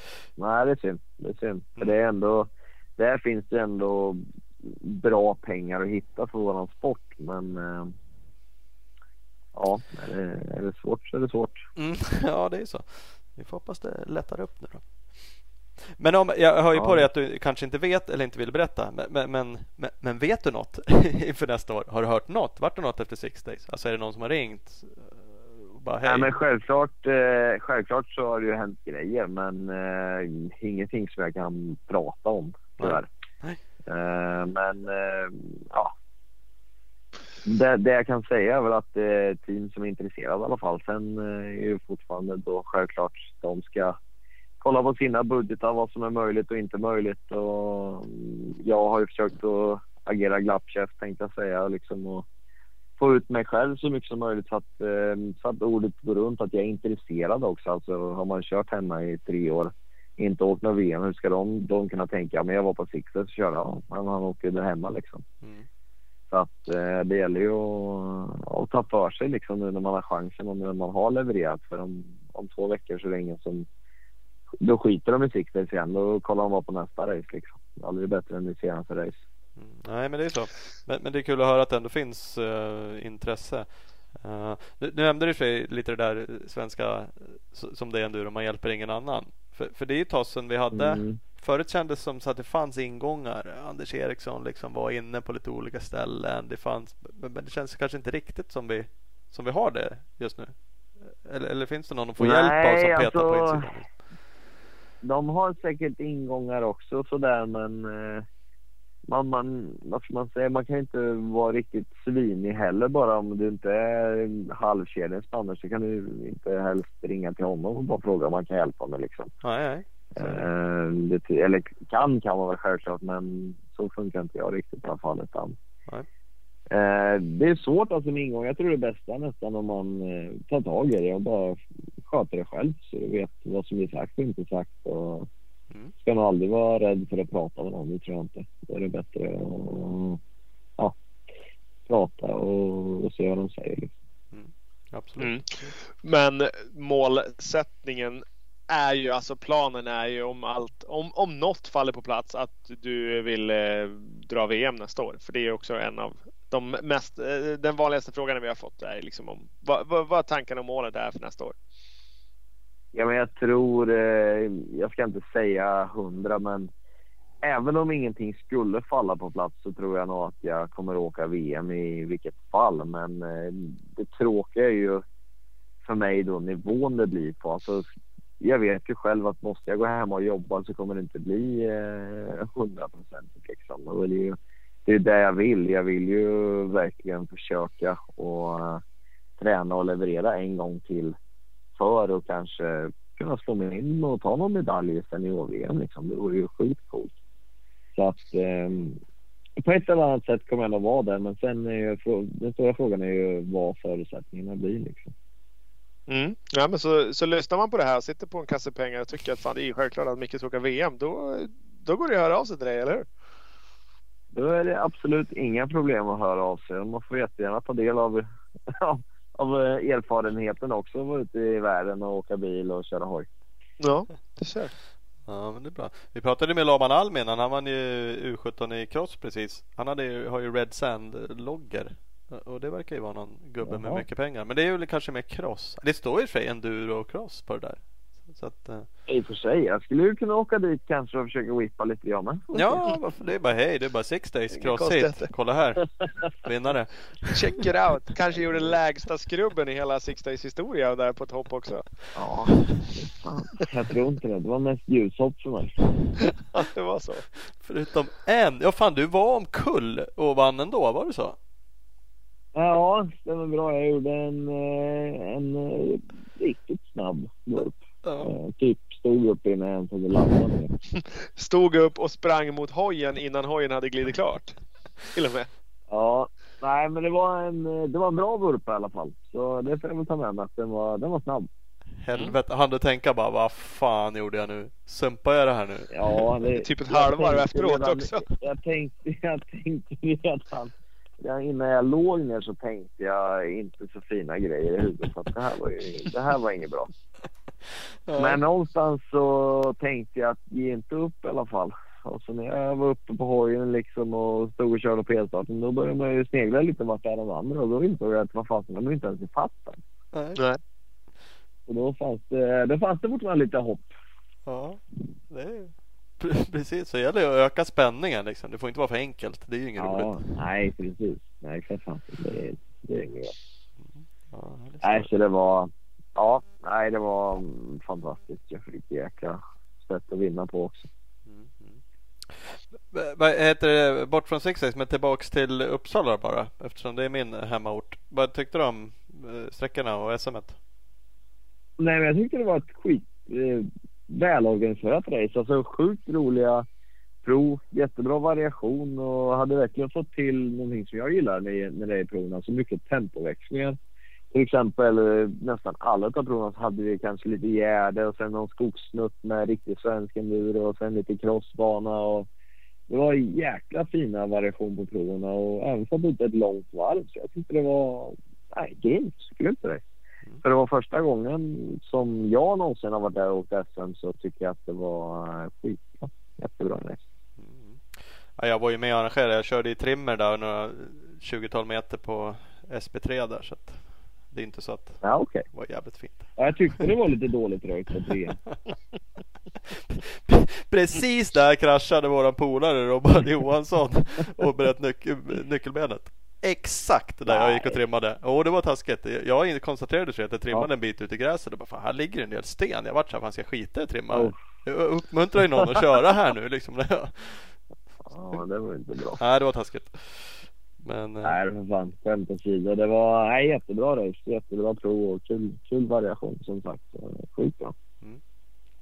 Nej, men det var roligt. Jag körde lite själv. Det var ju kul. Så jag tyckte också det var liksom, som du säger, um, varierande. Liksom. Så att, det gjorde ja, de bra. verkligen.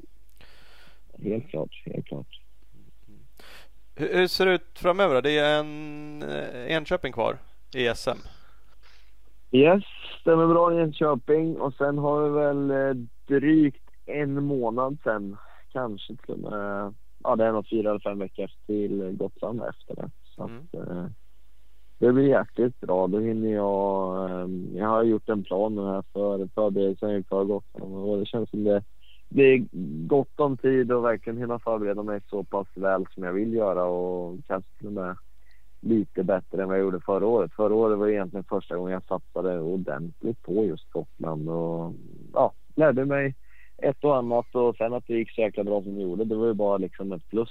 Men det var första gången jag tog mig till målflaggan på Gotland. Mm. Så att, eh, det var... Det gick var, bra. Nej, men det var en lärorik resa, ja verkligen. Så att eh, jag hoppas kunna, kunna finslipa på, på det lite till i år och komma dit jättebra förberedd igen. Mm. Eh, Och sen självklart så blir det väl eh, lite Kåsa-träning emellanåt också på nätterna. Det blir lagom. Gotland på dagen och Kåsan på natten. Precis. Det är no problems. Skippar du, är det inte Så... Jag så, Ja, kör. Nej, jag tänkte säga att jag har så bra sponsor. KTM kanske kan skicka över några extra hojar för det kommer väl gå åt nu i höst. Ut och kötta sten i mörkret bara. Släcka biken. ja, precis. Ja, det löser de ju fan. Du är ju champ. Svårt kan det Ja, vara. visst. Visst. Eller hur? Eh, visst är det så att de har klämt in ränneslätt mellan Gotland och Kåsan? Mm, Ja, det, det stämmer. stämmer bra. Men det vet då fasen. Den blir nog... Det blir nog tufft om man vill... Eh, vill man leverera på Gotland och leverera på Kåsan då tror jag inte att det är mm, riktigt det bästa att åka dit också. Nej. Eh, det kan man ju spontant känna att det kanske inte är. Eh, vet du att du skiter i det eller beror det på feelingen eller vad någon annan säger eller? Nej, jag tror eh, nog till 99 procent att jag inte kommer ställa upp det. Det kommer nog vara sista förberedelserna i garaget och, och dubbelkolla alla elkontakter och så vidare var inför, inför Kåsan då så att man verkligen har koll på bitarna tills dess. Det är ju en, Kåsan är ju egentligen, jag ska inte säga den enda tävlingen som jag inte har vunnit för det är det absolut inte men det är ändå en tävling som jag inte har eh, lyckats i än. Så att den eh, är faktiskt ett stort mål nu i höst. Jag, jag vet att du har pratat om det här tidigare för jag vill minnas om det var första gången du var med eller något sånt där så dömde du ut fullständigt Kåsan och allt egentligen kanske svensk enduro är rätt generellt. men, men, men sen har du ändrat det tror jag när du var med senast och faktiskt eh, som sagt Ja, tycker att det är kul eh, det är och eh, är ju onekligen duktig på det så att Nej, det är coolt vad man kan ändra sig på fyra år. Ja. från en, ena, gillar det ena till gillar det andra. Nej, men eh, jag vet inte. Den har sin, den har sin charm och målen har nog jag mognat och insett vad jag vill hit och dit. Så att, eh, ja, men det är ett stort mål och ett stort, stor tävling i Sverige och vill man, eh, vill man vara ihågkommen så måste man vinna en kåsa. Så är det bara. mm, lite så. Så är det ju. Så är det. Speciellt när du har den andra Karlskoga-killen där som har vunnit nio stycken. Så då, då lär man ha Ja, en i visst. alla fall om man ska vara med i, i Jag snacket. tror, jag tänker så här, det är väl dags att någon annan Karlskoga-kille tar vid nu då. Ja, men det kan ju vara så. Det kan ju vara så. Satsar han på en tionde eller? Vet man det? Det är, Jag vet faktiskt inte. Det är nog, det är nog bara han själv som vet. Exakt. Eh, Det brukar vara hemligt deluxe där innan. Ja. Det märker man när han ringer någon tisdagkväll och vill man ut och dra. Då förstår man om det är dags eller inte. Exakt så. Ja. Jo, så är det. Eh, en annan grej som jag faktiskt frågade dig tidigare idag när vi pratade om och jag kollade om du var sugen på att vara med i podden är ju att eh, eh och sen så lade jag märke till det också när eh, jag lyssnade igenom tidigare avsnitt att, att vi pratade om pannben och grejer. Och då frågade jag liksom för att det, det var ju inte din paradgren när du var yngre. Det var inte det du var mest känd för att du var envisast och hade tjockast pannben. Och då frågade jag liksom när växte det ut? Och då sa du att det, det kom nog när du var Ja men du insåg hur tråkigt du tyckte det var att jobba. Stå ute och, och frysa och gräva i, i kärle och ja men allt sånt där. Och Alltså om du tar allting i beaktning, är det någonting som du Alltså du skulle inte vilja ha det ogjort egentligen tänker jag eller? Nej, jag tror för min, för min karriär och sen för mig själv liksom rent eh, i livet så tror jag att det här har faktiskt varit en väldigt bra väg för mig att gå. På något Mm. sätt så har det ju varit de pusselbitar som jag har behövt för att inse vad jag vill och hur jag ska göra för att lyckas liksom. Så att, eh, det har varit sjukt nyttigt liksom att få, få ta den hårda vägen och liksom leva och se vad som, vad som väntar och hur, hur livet kan vara för att bli sugen och hungrig på att göra, köra motorcykel på heltid istället liksom. Även just det här med pannbenet så alla gånger. Jag fick ju inte utav att åka motorcykel när jag var yngre liksom så att eh, någonstans här i senaste tre åren så växte det fram och det enda jag har ändrat på är ju att stå ute i minus 18 grader med en jävla handskyffel och en värmematta liksom. Mm. Ja. Så där, där hör man, vill man bli, eh, ja, vill man ha lite tjockare pannben så det, det är bara att jobba. Det är lugnt, det är bara, det är bara ringa. Ni kan nog ta över min plats om jag kan åka lite VM istället. Exakt, finns snart jobb på Borson. Ja visst, det är öppet snart. Ja, det är bra. Där är vägen. Det kanske är din coachning. Skit i träningsläger och grejer bara. Coachning by Mikey. Nej men det har ju det har ju varit bra också alltså på ett sätt. Jag har ju fått Eh, gratis träning också så att det är absolut jag tror ingenting dåligt har kommit med det snarare bara goda saker. Sen självklart ibland har man varit trött på det eller liksom vill åka hoj och så vidare så här men eh, nej fan. För mig, för mig, för mig har det nog varit en bra väg att gå helt klart. Mm. Mm. Ja, men det är bra. Det är eh, skönt. Det är, det är skönt när det kan svänga också. När man faktiskt kan nästan bestämma sig för att sluta och så få en vändning och faktiskt kunna fånga upp det igen och, och göra som du är på väg att göra nu förhoppningsvis kan. Liksom. Så att, eh, det. Ja men verkligen och sen just liksom när det, när, när den här elden växer fram igen, alltså lågan inom det. Att du bara, du vill bara ut och kötta. Det är så jäkla skönt att få tillbaka det och, och verkligen känna att fasen det är det här jag älskar. Och varje gång jag åker hoj nu och senaste liksom åren har det ju varit med ren glädje och kärlek för det liksom. Mm. Det är aldrig, eh, hur jävla grisigt det än är så tycker jag inte ens att det är tråkigt. Då, liksom. Det är klart att efterarbetet är piss men eh, nej, det, är, det är så jäkla mycket glädje i det så att det är sjukt och det är så jäkla skönt. Ja. Härlig känsla. Ja. Den där ska man ha.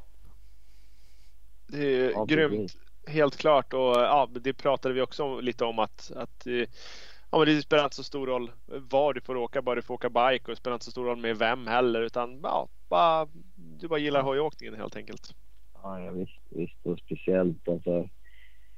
Speciellt har ju någonstans vuxit fram det här alltså gemenskapen där också. Alltså att man hänger med polare, träffar folk och alltså det är ju också halva grejen med det. Just det här gemenskapen med just hojåkningen. Åka ut en tisdagkväll till träningsbanan liksom och köra några varv och snacka lite skit i depån och bara känna att man liksom är en del av någonting som är sjukt roligt och som så många älskar egentligen. Mm. Mm. mm. Ja, det är ju grymt. Eh, vi har eh, fortfarande ett gäng eh, lyssnarfrågor kvar. Vi kan ju klämma av några till sådana tänker jag. Eh, favoritbana? Har du någon sån? Eh, ja, jag skulle nog vilja säga att det är någon liten mysig samstig på ett hemligt ställe uppe i norr. All right. Ytterst hemligt. Eh, vad har vi mer? Vilket underlag tycker du är svårast?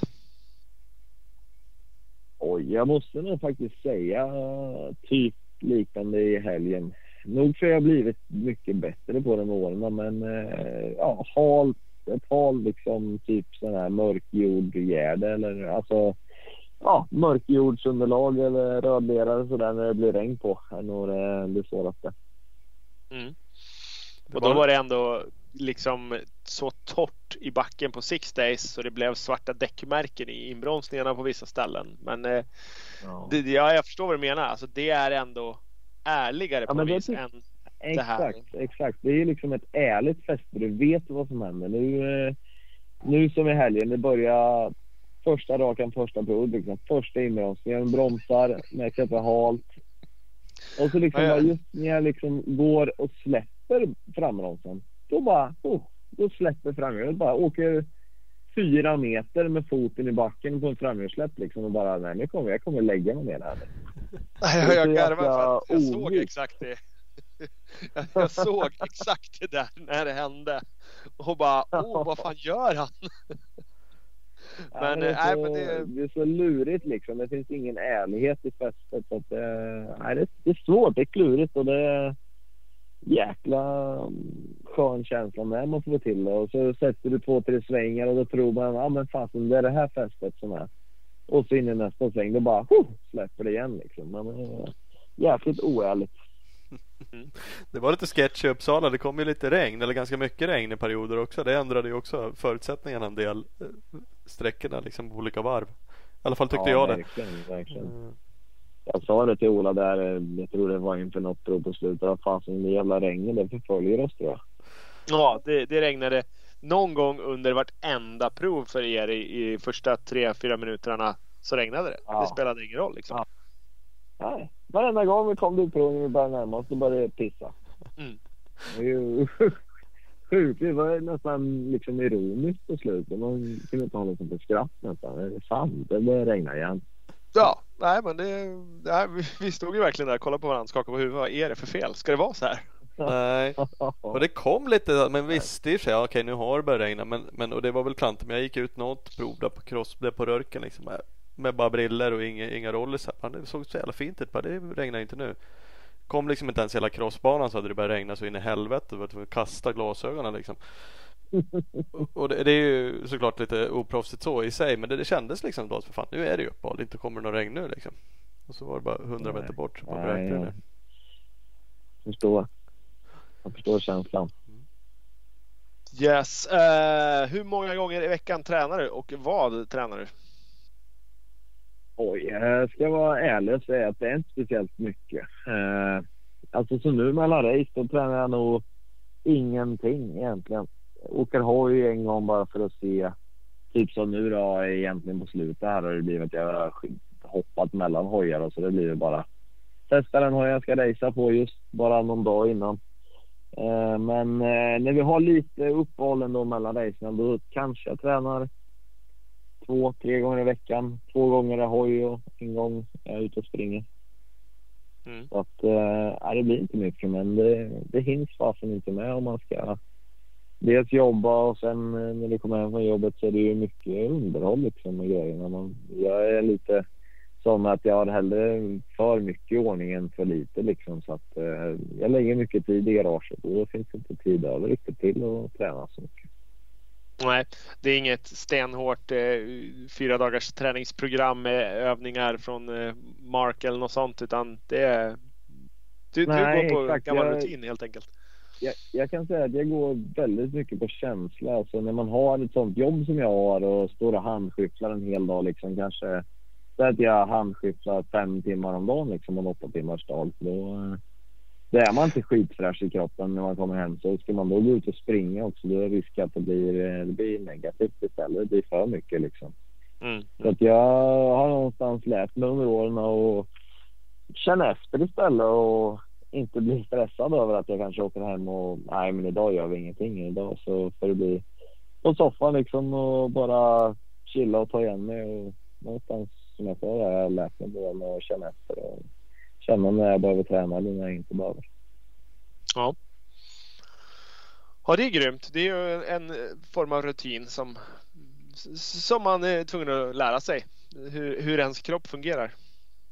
Ja men verkligen och sen, sen just som jag säger alltså en del är så jäkla inne i att man måste träna, träna, träna, träna men har du inte energi till att träna då, då blir det backeffekt istället. Då drar du bara ner ännu mer och då är kroppen nedkörd liksom i botten när det väl är dags att prestera. Så att, eh, hellre tappa någon procent på att inte träna hela tiden men vara jäkligt pigg när det väl kommer till race och eh, än att vara tvärtom tycker jag. Mm. Ja, nej, men det, det låter logiskt. Det där har för vi har pratat om också att du någon, någon sväng under förra året var, var nästan inne på att du ja, men körde ner dig själv. Du, du höll på att Ja. typ gå in i väggen för att du försökte träna, försökte jobba, försökte hinna med allting. Exakt. Så var det ju efter när vi körde premiären förra året ju. Skövde så hängde jag inte med och då var jag ju helt säker på att det var för jag inte tränade och inte. Så då gjorde jag ju typ åtta veckor, skithårt liksom och träna och stressa och ha med allting liksom. Och sen när det väl var dags för race då fanns det inte en energignutta kvar i kroppen. Nej. Och då hade vi ju typ två, tre veckor eller vad det var till racet efter och då gjorde jag inte, lyfte inte ett finger på två veckor. Bara försökte vila och, och typ åt allt gött jag kom över liksom. Och sen eh, gjorde jag min bästa slut på säsongen någonsin egentligen. Ja. ja. Så att nej, men det är Ja. jävligt viktigt att lära känna sin egen kropp. Det där är Ja, väldigt svårt med jätteklart. den typen av sport. Det är långa säsonger liksom cross enduro. För andra idrotter kan ju för sig hålla på en massa också. Men en, någon som satsar för OS liksom kan ju hoppa över en massa andra Ja. grejer. För man formtoppar till en vecka eller ett race. Och, det gör ju aldrig eh, du på samma sätt liksom. Så det, det Nej, kanske vi var det du lyckades med där. Från Östra Open ända fram till Gotland liksom. Ja men det blir ju lite så. Men när, när du tränar sådär jävla hårt och sen gjorde ingenting. På sätt och vis kanske du fick din formtopp senare då liksom av att du hade Ja, haft ditt bootcamp visst där är och knäckt dig själv. Men sen kom det liksom på något sätt. Men så där kan man inte göra en hel Nej, säsong. Så att det är ju... Ja, det är svårt. Nej, det funkar inte så tyvärr. Men eh, nej, verkligen så. Det är där man brukar försöka tajma. Så man brukar försöka göra en sån bootcamp innan säsongen liksom drar igång och sen någonstans överleva på den hela året och kanske underhålla det lite emellan. Men eh, fastän som till förra året, då blev det ju med coronan och allting framflyttat och då hade man ju tappat hela bootcampen när man har varit i ingenmansland i typ två och en halv månad sen liksom innan det väl blev några race. Ja. Så att det var svårt att tajma då. Det blev, ja, det blev lite dumt men eh, det slutade väl hyfsat till slut ändå liksom. Men eh, nej, i år har ju fasen varit i bra form tycker jag hela året. Eh, Jag var redo i bra form redan när vi drog igång upp i Östersund och har någonstans lyckats eh, känna bättre och bibehållit det hela, hela året nu ända fram tills nu i alla fall. Så att det är skönt. Ja, nej, det är ju lysande. Eh, vi har någon fråga kvar. Hur mycket hade du gjort i motorn på 250 som du åkte på på Six Days? Hur mycket trim var det? Mm, inte supermycket ska jag inte säga, alltså rent effektmässigt. Snarare saker och ting för att finslipa den efter vad jag gillar för typ av karaktär och lite med växellådor och så. Men eh, annars så var det CS Motortech här i stan som eh, fixade lite med toppen. Eh, vi hade några andra kammar och ett lättare svänger. Så Mm. nej, inte speciellt mycket. Kammar, fixa toppen, svänger. Och du rör? Och drar jag, jajamän, rör och en eh, tändbox då självklart för att kunna mappa den efter, efter det vi har gjort liksom. Precis, precis. Ja, du ser. Det var, det var ingen, eh, det var ingen moonrocket, det är snarare en hoj med, med fint register, effekten där den ska vara och ja, råstark i botten liksom. Det, där, Mm. det tycker jag att man behöver snarare än en hoj med bara toppeffekter. Mm. Ja, det låter ju logiskt. Mm. Ja, så är det. Jag, jag, jag fick en... Nej, vi har nog kanske inte varit inne på det. Men är du ofta nervös inför tävling? Ja, men det har jag nog, eller ja det är jag absolut. Eh, verkligen inför nya race som typ, eh, alltså inför en säsongstart eller som inför Six Days eller så här. Jag faktiskt ganska så nervös. Men på något sätt har jag lärt mig att vända om det till någonting bra istället och se på det som att fasen jag är asnervös men det betyder att jag är laddad som fan. Alltså jag vill verkligen ge mig ut och bara dra. Mm. Så att eh, jag försöker att vända det till någonting positivt istället och se på det, ja, se på det på ett bra sätt. Ja, det är, det är bra. Inte som en annan, bara nervös och vill helst inte köra men undrar varför man gör det. Jag vill bara hem istället. Precis, varför kan jag inte bara träna? Ja, Eller inte åka alls? Jag vet inte. Ja, jag har också varit där en gång i, en gång i tiden. Det är kul när man kommer igång. Det är det man får försöka intala sig själv. Kanske det du gör lite också. Liksom, fan det här, nu är jag pepp liksom. Nu, det blir bra sen. När man Ja, ja men eller hur. Sen när jag släppte ut kopplingen med första trycket. Men kommer inte ihåg att det var någon längre. Nej men så är det ju verkligen. Då är man igång. Då är det bara ösa. Ja, Ja. så, Ja. så är det. Så är det. Har vi några fler Ja, på vad, har lager? vi, vad har vi lärt oss då? Det är eh, VM som gäller nästa år. Punkt slut. Och eh, innan dess så är det Gotland och eh, Kåsan. stämmer bra det. Ja. SM till också. Ett SM kvar med. Men du, förr när du vann, då kom du på någon eh, frän kittad bike. Då åkte du 125 sista racet när du var klar. Det var ju när du vann eh, E1 va? Ja, stämmer. Jag har faktiskt fått eh, frågan av en eh, nära till mig också om det blir händer något kul. Så att, eh, får väl se vad som, vad som sker. Jag släpper ingenting än. Jag har lite, lite funderingar på vad jag kan hinna med och ordna till. 500 Ja, det var ju nästan eh, trimmad ja, jävel. det är en och en halv vecka kvar. Eller hur? Det är fan mycket tid. Du att stå i garaget. din teamchef Nisse sitter hemma och bara är livrädd vad, vad du ska ringa och fråga efter för någonting. Ja. ja, så är det. 790 det är bra. Ska vara på Adventure. tårna vet du. Ja, exakt. Ja men grymt. Hörru fan det var kul att surra lite och bra säsong hittills. Eh, Och det ska nog lösa Ja, sig med men det sista tack också. själva. Kul att få vara med som vanligt. Mm. Asgrymt. Vi, eh, vi ses och hörs framöver. Det gör vi. Ha det fint. Tack ska ni ha. Grymt. Ja, ha det bra. Ha det Hej, hej. bra. Tja. Hej, hej, hej, hej. Ja, då hade vi Mikey P. Yes, MP69. Uh, skön jävel. Hoppas han får en styrning. Det lät ju som att det fanns något form av option och som att det kanske blev VM oavsett då.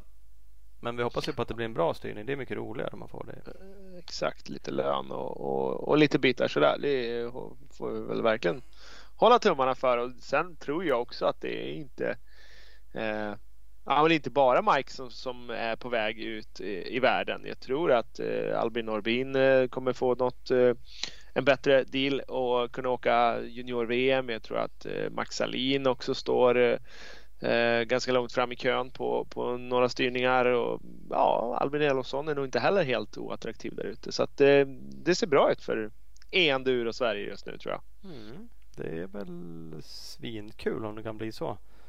Eh, Så det får vi väl fan verkligen hoppas. Absolut och sen eh, Vågberg åkte ju skitbra där nere och det, det är fler som, eh, ja, som åkte bra på, på Six Days och Vågberg åkte skitbra sist på SM med så att det, det är fler som, eh, som har chansen att komma ut helt klart. Mhm, mhm. Ja, vi hoppas på det. Ute dräba. Yes.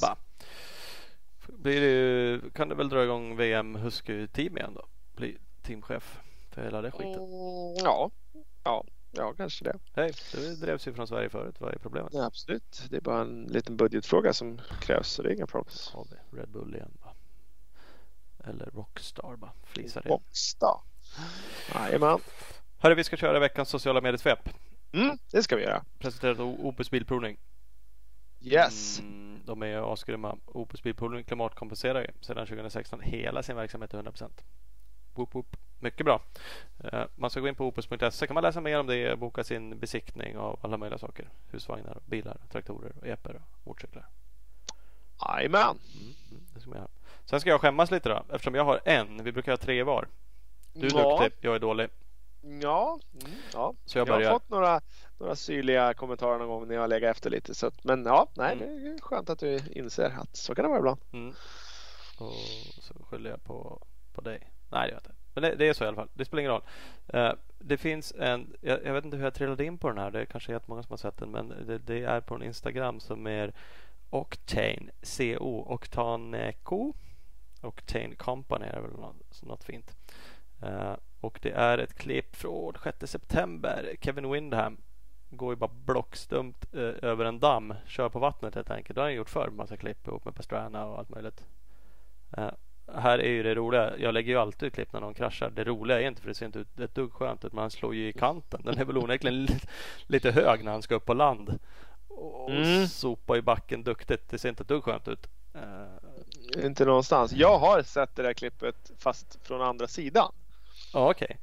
Ja, ja. Så att eh, jag var inte helt säker på, eller jag trodde det var det du menade. För, Nej. för jag frågade, vad, kraschar han inte på slutet? Och nu är det ganska uppenbart att han gör det. Men eh, jag, har sett det film, jag har sett det filmat från andra hållet och då ser man bara att han försvinner i ett jävla ja, en vattenkaskad där. Men nu ser man ganska tydligt att det där är inget mysigt. De har ju bra ladd när de ska liksom helt enkelt plana på vatten och här slår han ju i kanten och sopar ju till bröstet i styret och han sitter där och ser onekligen inte ut som han har dött av det hela. Men det ser inte så skönt ut. Skulle kunna vara dubbla handledsbrott och fyra revben eller fem revben. Absolut, helt klart. Vi, eh, vi har faktiskt gjort det där nere i, eh, eh, i en grusgrop utanför Uppsala förut och lyckats förvånansvärt bra och tyckte att fan det där var ju svingrymt. Sen skulle jag prova i en annan grusgrop eh, ovanför Läby Ja. och insåg att jag kommer inte få upp så mycket fart som vi hade. Då var det sexan och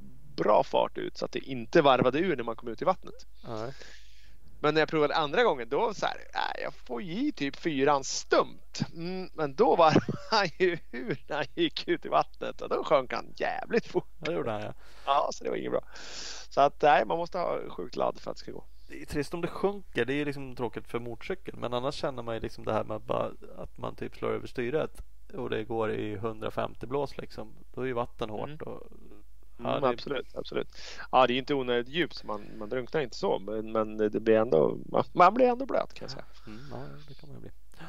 Så är det, Ehm, så är det. Det var min. Det var din. Jag hade styrt ihop tre stycken. Eh, jag började med eh, Pro Motocross som eh, har lagt upp film ifrån firandet av Nationals-mästarna, de amerikanska utomhuscrossmästerskaperna. Eh, det är ju både Dylan Ferrandis och Jet Lawrence som eh, bara ställt sina hojar bredvid varandra och typ försöker varva sönder dem. Det, sjukt peppande firande och sånt där men ah, jag vet inte riktigt vad jag tycker om det där ändå. Det är otroligt ångestframkallande. Framförallt Jet Lawrence. För han vrider ju sin stumt. Han till och med markerar genom att så här, försöka vrida den ett extra varv från stumt. Ja, han försöker ta, ta omtag och, och vrida ännu mer. Så håller han den ju så. Och- Ja, bara ganska länge. Ja, och liksom Ferrandis i alla fall vrider lite fram och tillbaks några gånger. Känns ju Slår lite jag av, snällare. slår jag av lite ibland. Ja, faktiskt. Nej, och, ja, jag vet att eh, Steve Matters som har Palpamex, han är riktigt Han mycket emot det där. Han är Ja. meck så han bara spyr Exakt. på det. Exakt. Ja, nej, men jag känner likadant och han, han jämförde det med att eh, vinna typ eh, en stor galopptävling och som firande så skjuter man hästen. Det är ganska idiotiskt. Och inte helt ologiskt. Det är en rolig jämförelse. Ja, faktiskt. Och ja, sen vet jag inte om det är åldern, för jag, jag erkände ju för alla som lyssnade på livestreamen från Six Days att eh, jag var till och med så gubbig så jag tyckte att han killen bredvid mig med en jävla motorsåg som stod och gick på högvarv kunde bara ta den och stoppa på arslet och försvinna därifrån. Det är sjukt att jag ibland också kan känna fast jag älskar ju så här eh, lag jag älskar ju hypen och, och liksom laddet från publiken och, och alla är så jävla på, på tårna. Absolut, helt och hållet, 100%. Jag tyckte det var grymt i Skövde på enduro-VM där också. och Sådär. Men när det bara så här osynligt, det står någon bredvid en och bara, bara men den du hejar på är inte på den här delen av banan, försvinn härifrån. Ja, det har man nog faktiskt kunnat hata förut också även på lag-VM till och med när man är packad. Just det här. Alltså, man ska ha det som låter värst av alla. Inte bara låter lite lagom typ som någon tuta som i och för sig kan vara jobbig. Men utan man har det som är värst av alla och kör det konstant. Det spelar liksom ingen Ja, roll om men det är alltså, hit, du om förare är där. Nej, om... du kör ju det för att typ störa folk mest, Ja. känns det som. Ja, det kan man ju tycka. Det Och då går det lite- över någon slags gräns i alla fall. Ja, så är det i alla fall. så Så gubbigt Pro Motocross, ja jag vet, det är skithärligt. Pro Motocross-kontot, där eh, kan man eh, spana in deras firande när de försöker dräpa en Yamaha Honda. Ja. Eh, CW2, Cody Webb 2, han lägger upp ett klipp som han beskriver själv som eh, This sucked. Ja. Han, eh, han, det är på eh, TKO, Texas Knockout-banan tycker jag det ser ut som. Han eh, är på väg att ta sig upp för en sten, fipplar till det lite. Och så det, är ett av dina favoritklipp, det är en vurpa. Mm, ja, Han hamnar under hojen, det ser jävligt oskönt ut. Ja, ja det gör det. Det ser inte så mega dramatiskt ut men det ser absolut inte skönt ut och han ligger onekligen kvar. Han bara, Ja, "Äh, han kan någon hjälpa ju. mig? Kan någon hjälpa mig?